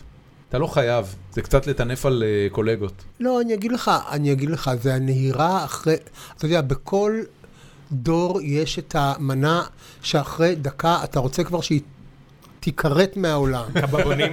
לא, למשל, על למשל, מקל קינמון. חציל ביוגורט וטחינה. די. או היה תקופה פרפה חלבה. די. פנקוטה. כאילו יש כל פעם, יש תקופה של כן. כולם עושים את כן, אותו כן, דבר כן. ב-17 אלף גרסאות. אמ, מה דעתך על הצורך בחינוך קולינרי בבתי ספר, כמו שג'יימי אוליבר מנסה לקדם? שאלה הלוואי, של נועם אבל- ברקת. הלוואי... ניסית פעם לדבר עם אה, אושיות חינוך בארץ על לא, העניין? לא, אבל אני אגיד פחות לך נהוג מה, בארץ להגיש. אה, בעניין החינוך לדעתי יש, בעניין סדרי העדיפויות יש הרבה מאוד דברים Fair enough. כן, לשפר זה- בענייני החינוך נשאיר לפני את זה פה, האוכל, אבל למרות כולנו שגם הוא מסכימים, מאוד כן. חשוב. אה, צופי שי שואלת שאלה דווקא שמאוד מאוד אהבתי. אה, איך נולד מתכון חדש? תראה, אני לא באמת באמת חושב שאנחנו ממציאים יש מאין, אולי פה ושם. מה אנחנו עושים? בדרך כלל אנחנו לוקחים מאכלים שהם נכסי צאן ברזל ממקום כזה או אחר, מפרקים אותם לגורמים ומרכיבים אותם מחדש על פי הבנתנו, כישרוננו, ניסיוננו. אתה יודע, פעם, אני הרי גם די-ג'יי בעוונותיי, ופעם שאלו אותי מה המשותף לבישול ול... די.ג'יות. לדי-ג'איות. ואני באמת חושב שבישול זו אומנות הרמיקס העתיקה ביותר בעולם. אנחנו באמת כמעט לא ממציאים יש מאין. אנחנו הכל זה וריאציה אישית שלנו, על פי באמת מיטב כישרוננו, שאנחנו מפתחים על משהו שכבר מישהו עשה לפנינו. אוקיי. ואיך הרגע הזה, אה, אתה בעצם מדבר על המצאת המאכל, אבל אני שואל, כשאתה רוצה להוריד את זה למתכון, איך זה עובד? ניסוי וטעייה. שמה, אתה, אתה פשוט עושה את זה 4-5 פעמים עד שאתה מגיע לנוסחה שאתה יכול לרשום? אז בלי להשוויץ, ככל שאתה מנוסה יותר, אני למשל, יש כאלה אנשים שהכישרון שלהם הוא באנליזה של מנה. הם יכולים לטעום מנה ולהגיד, "מ, יש בזה את זה ואת זה ואת זה אה, ואת זה זה ממש ריאליטי. ואת זה. אני כזה. כן, אני אני דווקא מתבייש לא להגיד, אבל כזה, אני כזה. אני ההפך. אני קורא מתכון ואני יודע בדיוק. הפוך, איזה איזה טעם טעם יהיה יהיה לזה? באמת? אתה מאוד- מסוגל להסתכל ולהגיד, תקשיב, זה יותר מדי סויה. זה- לגמרי. מה אתה אומר? לגמרי, זה אה, וואו. הכישרון שלי הוא הפוך. זה הרבה יותר ואי לכך, הארדקור. כשאני ניגש להכין מנה, זה כמו נגינה אבסולוטית. חכה, יש נכון. פה מבחן. מיכל מיכאלי ביקשה שאני אראה לו תמונה של אורז שהיא הכינה לפי המתכון שלך, לא יצא טוב, ו- ואומרת, "מה- איפה טעיתי מהתמונה? אתה חושב שאתה יכול ל- ל- לעזור פה? הוא נראה, אמנם הוא נראה קצת מפורק, אבל הוא נראה נהדר. היא אומרת שיצא חתיך, אבל לא טעים. רגע, אנחנו צריכים שתדבר טעים. למיקרופון, לא שומעים אותך. היא אומרת, מה יש לך להגיד להגנתך? אה, אני דווקא חשבתי שהוא יצא פחות חתיך, אבל הוא נראה טעים. תקשיב, זה נראה ממש סבבה. גם מה אני יש חושב שזה לך? כי- נראה כי מצב- אצלי- אני יודע. אוכלי אצלי אדמה אני- שחומים, אצלך זה נכון. עומד כמו פלטה יציבה. אצלי זה עומד בסדר, יציב נו, מה? ויפה, כי אני יודע איך להוציא את זה בזהירות. אבל מה מה לא טעים בזה? אני לא יודע, אני כי זה לא- נראה... אני לא- התפוחי האדמה נראים לי קריספים תפסיקי- תפסיקי לגמרי. להעליב את עצמך, את נראית, זה נראה זה אחלה, נראה לי המנה מצוין. הזאת. אמ, מה הדרך הכי טובה להכין אורז? תשמע, השיטה הפרסית היא נהדרת באמת. שהיא הפוך מכל מה שאנחנו יודעים. מבשלים את האורז איזה שמונה דקות במים רותחים, כמו פסטה. ואז כן, לזרוק את זה למסננת. מסננים ומחזירים את זה לסיר עם מעט שמן ומעט מאוד, איזה רבע, שליש כוס מים. על אש הכי נמוכה שעה, ובעצם זה ממשיך להתבשל רק אתה יודע שאני מהעדים. אני סירבתי להכין ככה, וזוגתי הפצירה בי, תעשה רק ככה, ומאז שגיליתי את השיטה הזו, זה כל כך הרבה יותר קל וטעים מאשר כל אלטרנטיבה אני שניסיתי. גם חושב שזו שיטה נהדרת, מה עוד שאתה יכול לתת לה מלא אה, תוספים כאלה, לשים תפוחי אדמה. לא, זה פשוט לא, לשים- זה פשוט לא נכשל. אתה זה עושה את לא זה, אתה יודע, נכשל. תמיד יוצא שמונה או תשע דקות שאני עושה את זה, וזה יוצא תמיד טעים. יופי. כן. אה, אבישי אלישע עדנבורג שואל שאלה שאין לי מושג מאיפה היא מגיעה, אז אה, תצטרך להסביר. אתם חייבים לשאול את- על הפשיטה המשטרתית על הדירה שלו. מה היה? לא היה פשיטה משפרתית על הדירה שלי. יפה, אבישי, על מה לעזאזל אתה מדבר? אה, גלעד שילוח שואל, אה, האם יש אוכל שלעולם לא תטעם? כן, מה? לא. אם דיברנו מקודם, נגיד, אני זוכר שהגעתי לסין בפעמים הראשונות, אה, כלב? כאלה? אמרתי, אני מוכן לנסות הכל, כלבים וחתולים לא בא טוב, בחשבון. זה כבר עניין תרבותי. בדיוק, אני כן. כלבים וחתולים מגדל, אני לא אוכל אותם. אני או גם ש- לא רואה בזה צביעות, אנשים אומרים איזה צביעות זו מצידך כי אתה אוכל פרות, אז מה, אבל אני לא מגדל פרה. לא. אילנה, אילנה דיין ראיינה את אה, אריאל שרון, אה, בפעם האחרונה ראיינה אותו בחווה, אה, והיא שאלה אותו, הוא הראה לה איך הם מגדלים עדרי כבשים ו- וזה, והיא שאלה אותו אם לפעמים הם עושים אה, חינגות ושוחטים כבש, אז הוא אמר לה, לא, לא, אצלנו לא שוחטים חברים. קונים אותם, כן, שחוטים כבר. כן, כן. אני יכול להבין את זה. כן. אה, רון לוי, אני אקריא לך את כל ההודעה שלו, כי היא פשוט מקסימה. תמסור לו שהוא הכי חמוד שיש. פעם תפסנו אותו לחצי שעה בסופר השכונתי בשנקין, והוא נתן לנו המ- המלצות לקראת הטיול, ותשאל אותו אם הוא יודע שילדים מתים על התוכנית שלו ושל גידי, וגם למה אין המלצות בסוף כל תוכנית שלו ושל גידי, כולל כתובות, ולמה הוא לא מאשר אותי בתור חבר. רון כיף לוי- לכם, כן. הוא מסיים בכיף לכם. רגע, רון לוי לקח את המשפחה שלו לטיול של שנה, אם אני לא טועה, במזרח. אני לא מאשר חבר כי אני כבר בחמשת אלפים במקסימום כן, של החמשת אתה אלפים. חמוד. לא רוצה. טוב. לא, אני אגיד לך מה, אני נורא, פתחו לי פעם עמוד ואני לא נכנס אליו, כאילו עמוד רשמי. כי אני באמת מתייחס ל- גם לאינסטגרם וגם ל- כטריטוריה פרטית, אני לא... מה זה טריטוריה פרטית? יש לך 5,000 חברים. בסדר, אבל אני לא נותן מתכונים, ואני לא... אה, אתה אומר, כאילו, אל- זה זה לא לא מקצועי, עבודה. זה לא מקצועי. כן, כן. זה לא עבודה, זה בשביל הכיף. אה, רן רובינשטיין, מאזין שלנו אה, מארצות הברית, שואל, אה, מה דעתך על בלו אייפרן? אתה יודע מה זה? לא. בלו אייפרן הוא חלק ממגמה הולכת וגוברת בארצות הברית של שירותים שמביאים לך אה, אה, חומרי גלם למנות מוכנות, כולל אה, זה דרך רעיון הכנה. נהדר לדעתי. הם חברה הונפקו הצלחה בבורסה, משוגעת. זה אה, בצדק. באופן יחסי. מה זה באופן יחסי? אה, הם לא מצליחים להגיע לרווחיות ומניעה קרסה, אבל אה, הבנתי לא אותך, משנה. לא ידעתי את זה. אה, כדי להגיע לרווחיות הם צריכים להגיע לסקייל נורא גדול, כי ככה המחיר ירד. כן. והם צריכים להוכיח שהם באמת יכולים להגיע לשם. תמיר מאיר שואל, מה גרם לך להיכנס לעסקי המוזיקה והדי-ג'יינג למרות שאתה כל כך מצליח בתחום המסעדנות? אז תראה, בואו נגיד ככה, העבודה הראשונה שלי אחרי צבא, אני השתחררתי ב-71, הייתי תקליטן במועדון המאה ועשרים בחיפה. זה היה אז המועדון, זה היה באמת מבנה עות'מאני יפהפה, בעיר התחתית? שיש שם, לא, על הר הכרמל שמשקיף למפרץ, או, יפה. והייתי תקליטן, לא קראו לזה אז עוד די.ג'יי. הרבה לפני האוכל. הרבה לפני האוכל, לא קראו לזה די.ג'יי, לא היה מיקסרים, היה פשוט שני פטיפונים ותקליטים. בשום מקום בעולם, אתה יודע, זה התחיל רק נכון, כמה שנים אחרי זה בניו יורק. והכוח שלנו היה ברפרטואר שהיינו מביאים. אני זוכר, אני הבאתי אז למועדונים ל- את הדורז, אני הייתי משוגע על הדורז אז. הייתי משמיע דורז מה... וואי, זה הארדקור לגמרי, לישראלים להשמיע דורס? לא, בחיפה נורא הייתה סצנת אקזיסטנציאליסטי. מוזיקה. בחיפה, בכרמל, הייתה סצנת מוזיקה משוגחת. טוב, 71 זה יפה. בדיוק This is the end, נכון. היה ש- השת- השתלב טוב נכון, בתקופה נכון. הזאת. עמית ל- עמית לבנטל, מאזין קבוע, אה, כותב, אבא שלי היה איתו במילואים וסיפר לי שהוא אף פעם לא הסכים לבשל שם, כי אם הוא יעשה את זה לא ייתנו לו להפסיק. איפה היית במילואים? הייתי במילואים בכמה מקומות, כולל באיזושהי יחידת מודיעין צפונית, ודווקא כן בישלתי מילואים. אבא שלו פיקשש, אבל כנראה. בישלתי. עמית, כנראה שאבא שלך... מישהו כתב פה, אני לא זוכר מי, באחת התגובות, זה לא אפילו שאלה, על הטור שלך, הוא אמר, יש שמועה שהטור שלך לא פוספס אף פעם. שלא פספסת אני אף כותב דדליין כי- בחייך. אני לא שלא פספסתי אף דלן בחיי, לא אני יצאת כותב, לחופשה. כמעט 30 שנה לא החמצתי אף שבוע. איך זה הגיוני? יש לך אה, בקאפ... הוא יכול להכין אותה לא, מראש. גם כשאני נוסע לחו"ל, אז אני כן. נוסע לארבעה שבועות, אני משאיר ארבע כתבות עם ארבעה זה צילומים. לא אני חדשות, כאילו נוסע. אתה יודע, זה לא עדיין. נחום ברנע, הוא לא צריך... עדיין. אבל, זה- אבל זה נכון שמעולם ב-30 שנה לא החמצתי כל שבוע אחד הכבוד לך, לא, כתבה. באמת. אני לא חושב שיש לזה אח ורע בעיתונות הישראלית. אה, אני לא, אני באמת... אני לא מעלה על אני לא חושב דעתי. שיש מישהו אני- שכותב אני 30 לא שנה. נכון, מע- אה, לא, לא, בארץ, אוקיי. יש מלא, בטח יש בארץ, מלא. אורן רוזנבלום, אה, לא, יש אה, מלא רוחל? שכותבים לא, למעלה באופן מ- כללי. 30 שנה. באופן כללי, נירה כתיבה. רוסו כותבת למעלה מ-30 נכון, שנה. נכון, נכון. נכון. אבל אני לא החמצתי שבוע אחד אף פעם. אה, עידן דה ארץ שואל, מה הרפורמה החוקית הכי חשובה שלדעתך אפשר לעשות היום כדי להקל על ענף המסעדנות ועל מחירי המזון בישראל? יש משהו שמכביד על מסעדנים? מלא.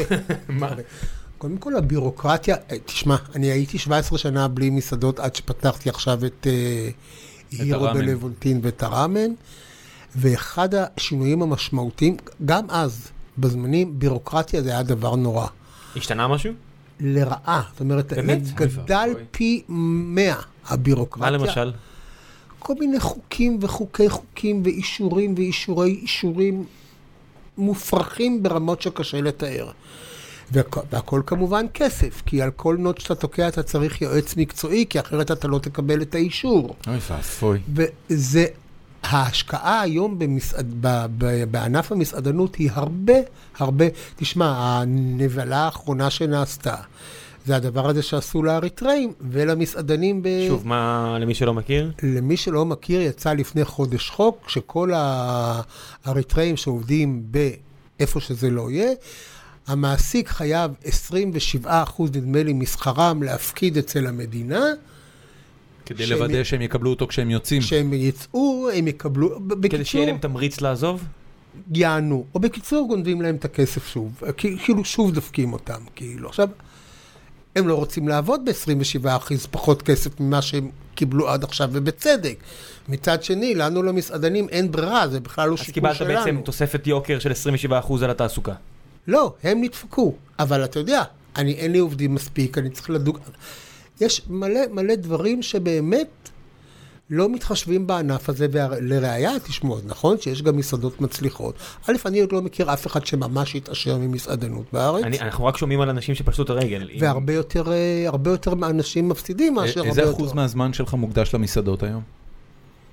אה, קשה לי להגיד, כי דווקא יש לי מין סוג של כישרון לחלוקת קשב ומשאבים מאוד מאוד טוב. כאילו, אני באמת יכול, לא רק שאני יכול, אני במיטבי כשאני עושה חמישה דברים בעת ובעונה אחת, באותה רמת אינטנסיביות. אז כשיש לי כמה דברים במקביל, אני עכשיו גם מצלם מאסטר שף, גם מצלם את התוכנית עם גידי, גם יושב בחדרי עריכה, גם עושה תחקירים לקראת העונה הבאה, גם כותב בעיתון, גם מתעסק עם המסעדות. אבל ככה אני מתפקד הכי טוב. כיף לך הריאליטי? אה, בינתיים כן. כן, זה הפתעה לטובה. זה... זה- זה עונה שלישית או רביעית שלהם? לא, עונה שביעית כבר. שביעית. כן. למה רק עכשיו? אה, לא יודע, פנו אליי רק עכשיו. זה... אחרי וזה, התלבטות, וזה משהו הסכמתי. כזה שאתה, כאילו, אני, אני אומר, אתה יודע, הרי למי, למי פונים על אוכל? קודם כל פונים להר, זה לא כזה עכשיו באים, או שהיית סבבה עם זה? לא, הם פנו אליי כבר כמה פעמים לפני כן, ואני לא, לא, לא רציתי, רצית. לא יכולתי. למה? כי הייתי עסוק בדברים אחרים. הבנתי. זה לא ראית בזה פחיתות או משהו. אני לא רואה בזה פחיתות בכלל, מבחינתי זו הרפתקה שאני לא מכיר כמותה. כאילו, זו פעם ראשונה שאני בטלוויזיה שבה לא אני היוזם או היוצר, אלא אני נכנס לפורמט שהוא אני, כבר אני, קיים. מ- אני ממש אה, מחכה לראות את גלגולי העיניים שלך לאייל שני, ממש. אני בעיקר נקרע ממנו מצחוק. הוא, אני הוא, הוא מוכרח באמת להגיד. קורע מצחוק, הוא- ברמות שאתה לא מבין. אני יכול לתאר לעצמי. אמ, אתה לא... אתה- אתה יודע, ישבנו... יש לנו מלא שאלות. כן, אני חייב להגיד משהו. אז תגיד היינו- משהו. היינו במסעדה בירושלים, עם מחנה יהודה. כן. מה אתה אומר על זה שאתה לא יכול לקרוא את התפריט? אתה יודע, אני צריך לקרוא את התפריט באנגלית כדי להבין מה זה המנה הזו. תשמע, מחנה יהודה זה יותר, זה, זה מסעדה שהיא נותנת, זה בכלל הנטייה, כאילו לתת חוויה הרבה יותר רחבה מחוויית אבל אני לא מבין מה רשום האוכל. בתפריט, איך זה, מה זה עוזר לי, מה זה משרת אותי, אם אני לא גם מבין. אצל- בחלק גדול מהמסעדות אתה לא מבין מה רשום בתפריט, בטח לא אצל אייל. נכון, אבל זה אותו סגנון, בגלל זה, כי הוא הזכיר את היד שני, אמרתי, אני לא מבין, מתישהו אתה כבר לא חוטא למטרה של, אתה רוצה להיות קומוניקטיבי לגבי המנה? אתה יודע, אם, אם זוגתי נגיד אה, אלרגית לככה וככה, אני לא צריך, אני... קודם כל זה דבר שאתה, אני מוכרח להגיד שהז'רגון שאייל אה, התחיל, מה שנקרא תפס. תפס. היום חצי, בכל מ- העולם, מה? חצי מתפריטי המסעדות כתובים באייל שנית, פחות או יותר. אוקיי, אני לא אוכל מספיק בשביל... ל- ל- זה, אם אתה... זה, זה באמת יפה שאתה מפרגן לו, אני חייב להגיד. אמ, זה לא טריוויאלי בעיניי. אני... אני... תראה, אני, אז אני רוצה להגיד לך דווקא גם בהקשר הזה משהו, כי כאילו הציפייה מאיתנו שכולנו נעבוד על פי אותם דפוסים או על פי אותם דרכי מחשבה או על פי אותם דרכי יצירתיות, שזה ממש לא ככה, אתה יודע. זה שאייל ואני, או אני ועוד הרבה שפים אחרים, יש לנו תפיסות אחרות, זה בעיניי מצוין, כי אם כולנו היינו חושבים, יוצרים ופועלים באותה תפיסה או באותה צורה, אז הכל היה נורא משעמם. אני בעד הרחבת הטווחים ולא בעד צמצומם. ליברל. אה, שחם חי שואל, באיזה עיר יש את האוכל רחוב הכי טוב בארץ ובעולם? אה, וואי, איזה, שאלה, איזה שאלות קשות אלה. ב- בארץ ב- טוב, לא? בארץ, ב- ב- בתל אביב, ללא ספק, אני חושב. מה, אבן גבירול? כל תל אביב, כאילו, אוכל רחוב, תל אביב לדעתי מרהיבה. היא- היא ב- עומדת בסטנדרטים בינלאומיים בעיניי. אני גם חושב, ואני חושב שבכל זאת בסין, וואלה. כן. יא. מה, מה... עכשיו אני צריך לנסוע לסין. אה, גם בגלל המגוון בעיקר. תקשיב, יש פה כמה שאלות, אז אני פשוט אשאל את זה. מה מה העניין עם הגבות?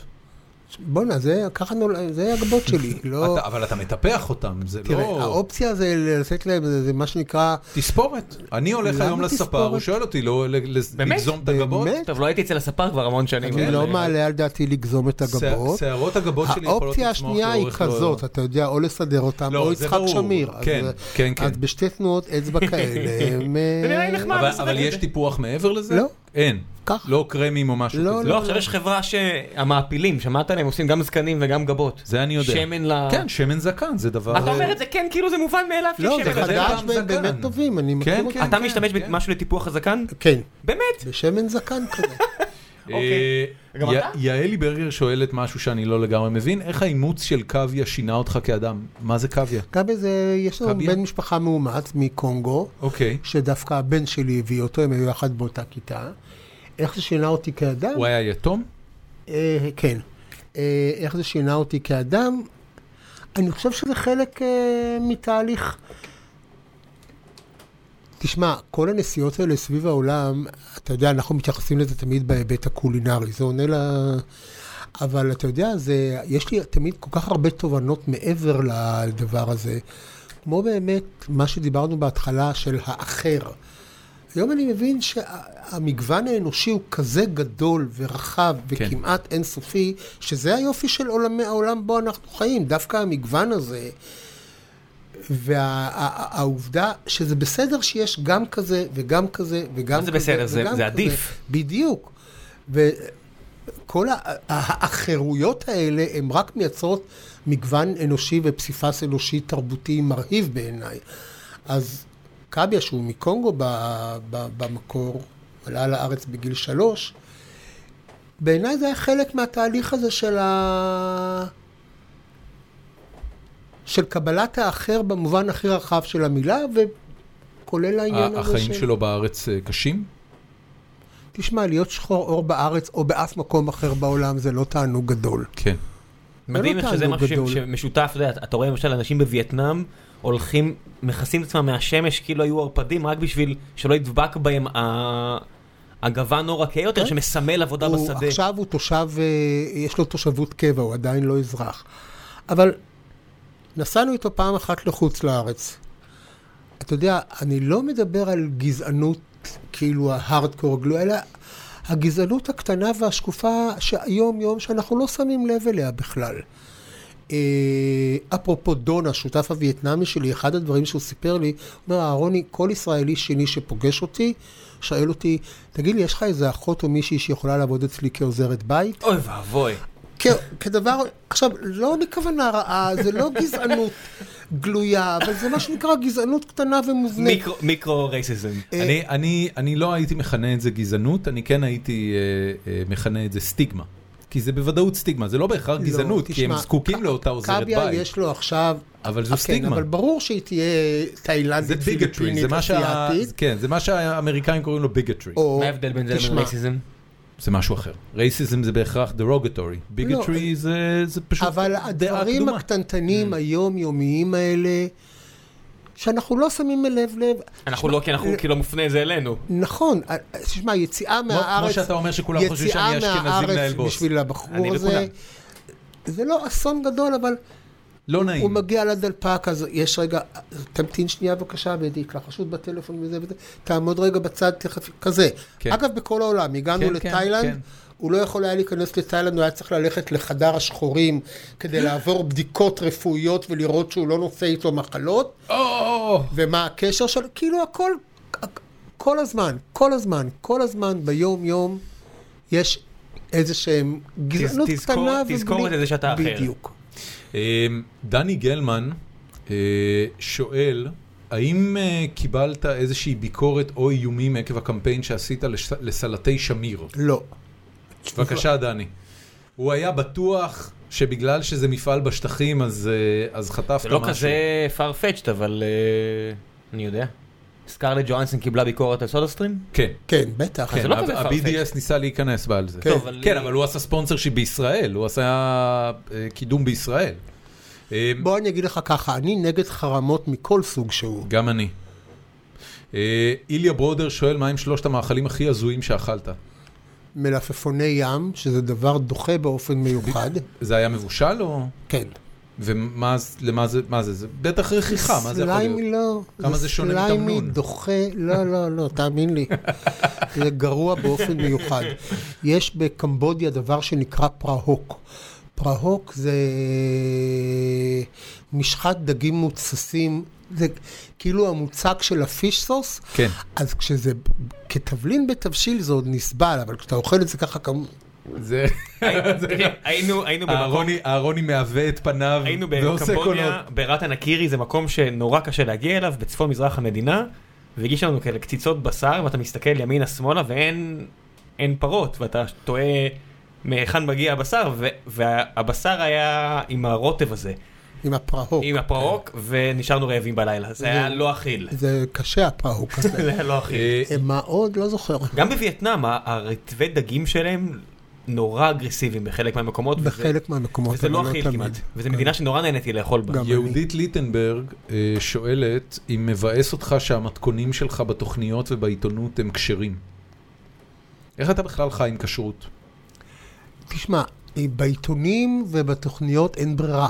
אתה יודע, זה, אם אתה רוצה לפנות לקהל רחב, אתה חייב להתחיל... אה, אגב, זה כשרות מוגבלת, כי נגיד המנות האחרונות שאני עושה בתוכניות הן כן חלביות. נכון. אה, אבל אני חי עם זה בסדר גמור. אה, אגב, הספר הסיני הראשון שהוצאתי, ואחר כך הרבה מאוד ספרים אחריו, יצאו בשתי גרסאות. גרסה כשרה וגרסה לא כשרה. נכון, גם אני ספר זוכר את זה. הבשר, גם נכון, האיטלקי, גם הצרפתי, גם נכון, נכון, הסיני. לא- נכון. היו תמיד בשתי גרסאות היה לי את שונות. הגרסאות הלא כשרות, אמ, כי גדלתי בחיפה. אמ, אושרי ארביב שואל שאלה מאוד מעניינת, אתה... אמ, אתה, אתה בטח מודע לעובדה שמנסים לפתח כבר הרבה שנים בשר סינתטי. כן.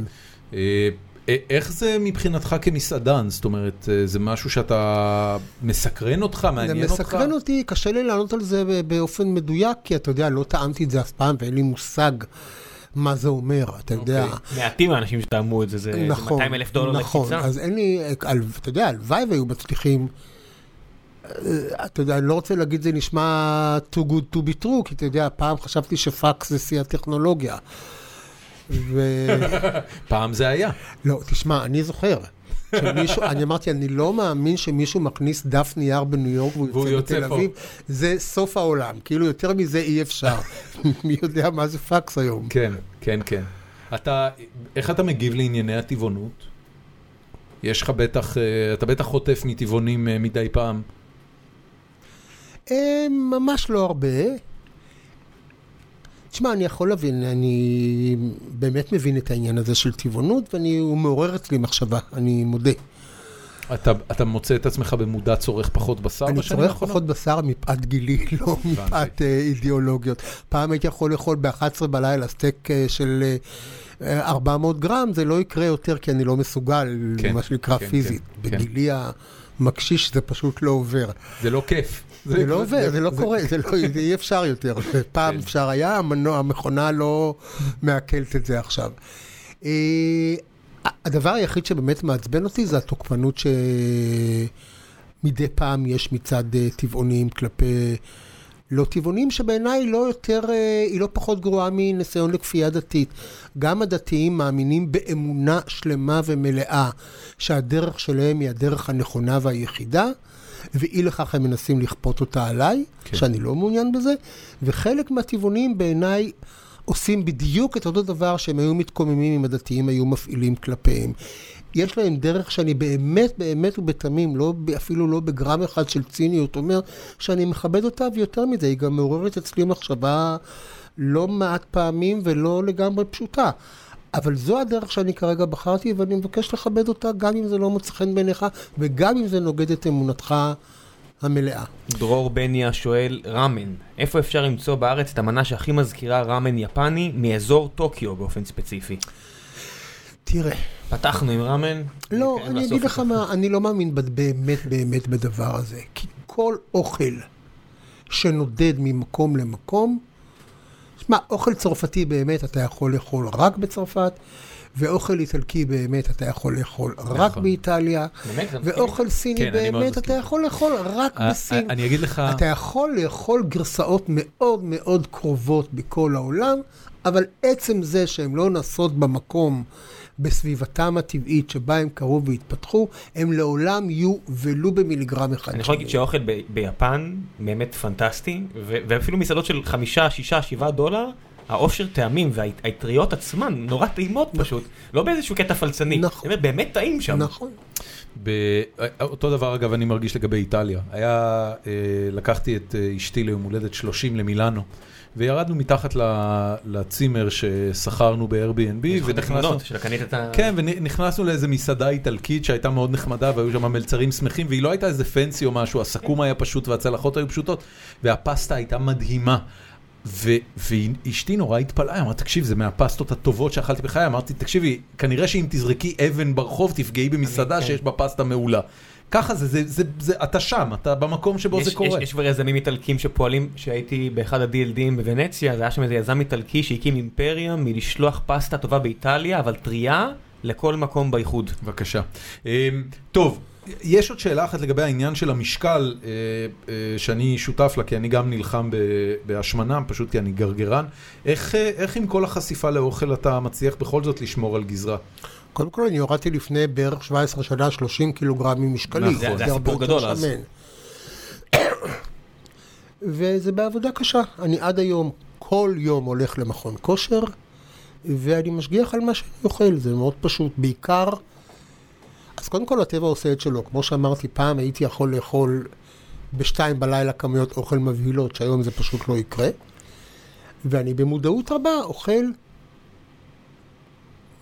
בכמויות בוודאי הרבה יותר מתונות מאשר פעם, מאשר פעם. וגם, תשמע, בוא אני אגיד לך ככה, פעם הייתי קונה הרבה יותר חמאה ושמנת ממה שאני קונה היום. כן. אני גם קונה, אבל הרבה פחות. שמן זית. אין דרך אלא, ל- יודע, למנוע מעצמך אלא את הדברים האלה. למנוע מעצמך בהגזמה את הדברים האלה. כן, כן. טוב, אה, אנחנו מסיימים כל פרק שלנו בהמלצות, וההמלצות האלה יכולות להיות מאוד מגוונות, לא רק מקולינריה, אלא גם מקולנוע, טלוויזיה, ספרות, מוזיקה, כל דבר שמענג אותך והיית רוצה לשתף. עם המאזינים, אני אתחיל, אה, רק כדי שיהיה לך זמן לחשוב דקה.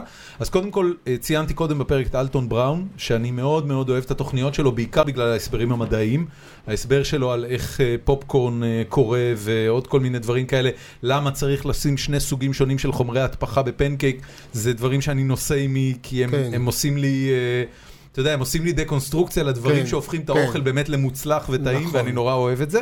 והדבר השני, אה, אני לא זוכר, אה, עכשיו אני זוכר, אה, אנטוני בורדן, שהיה שף ניו יורקי, ואז כתב ספר שנקרא Kitchen Confidential, שבו חשף את כל הסודות המלוכלכים של תעשיית כן. ההסעדה הניו יורקית, ואז הפך לסלב, ובעקבות זה עשה סדרה של אה, תוכניות, כן. אה, שנקראת Kitchen Confidential, אה, אנטוני בורדן.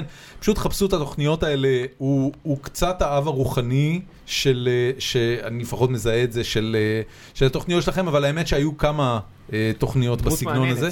היה אני, מכור אני, להרואין, כן, יצא כן, לא, מזה. הוא, הוא הארדקור בטירוף. הוא בן אדם כן. שתמיד התוכניות שלו הולכות למקומות נורא קיצוניים. אמ, צלם עכשיו בג'ו-ג'יצו, אתה יודע על ואני- זה? לא. הוא מה? הוא עכשיו נכנס לעסקי הג'ו-ג'יצו והוא עושה שני אימונים פרטיים כל יום. הוא לא בן 65 כבר? שישי, הוא נכנס לג'ו-ג'יצו בגיל 58. נייס. אני בן 66 כבר, ניצחתי. כן. נו, אבל אתה לא עושה אתה לא עושה ג'ו-ג'יצו עדיין, עדיין. אמ, וכמובן, אה, מתי העונה החדשה של... אה, בנובמבר תעלה. תקשיב, ה- ה- אה, התוכניות שלכם באתר של ערוץ 10, זה מה... יש את החצי שעה של הצפייה לפני השינה. כן. כנראה שלאורך השלוש-ארבע שנים האחרונות זו הצפייה המועדפת שלנו לפני השינה. וואלה, זה וואלה, באמת כל זה כך כיף. מענג, אתה יוצא כזה למסע של חצי שעה, והדינמיקה ביניכם היא כמובן פנטסטית. אני אשאיר את ההמלצה הזו. של מה? זה אחלה, אה, התוכניות שלו, זה של, כן, אחלה אה, המלצה. של אה, אהרוני וגידי. כן. מה, אני אמליץ? אני אמליץ, עוד מעט הולך להיות פסטיבל של מוזיקה אלקטרונית בשם דיגיטל.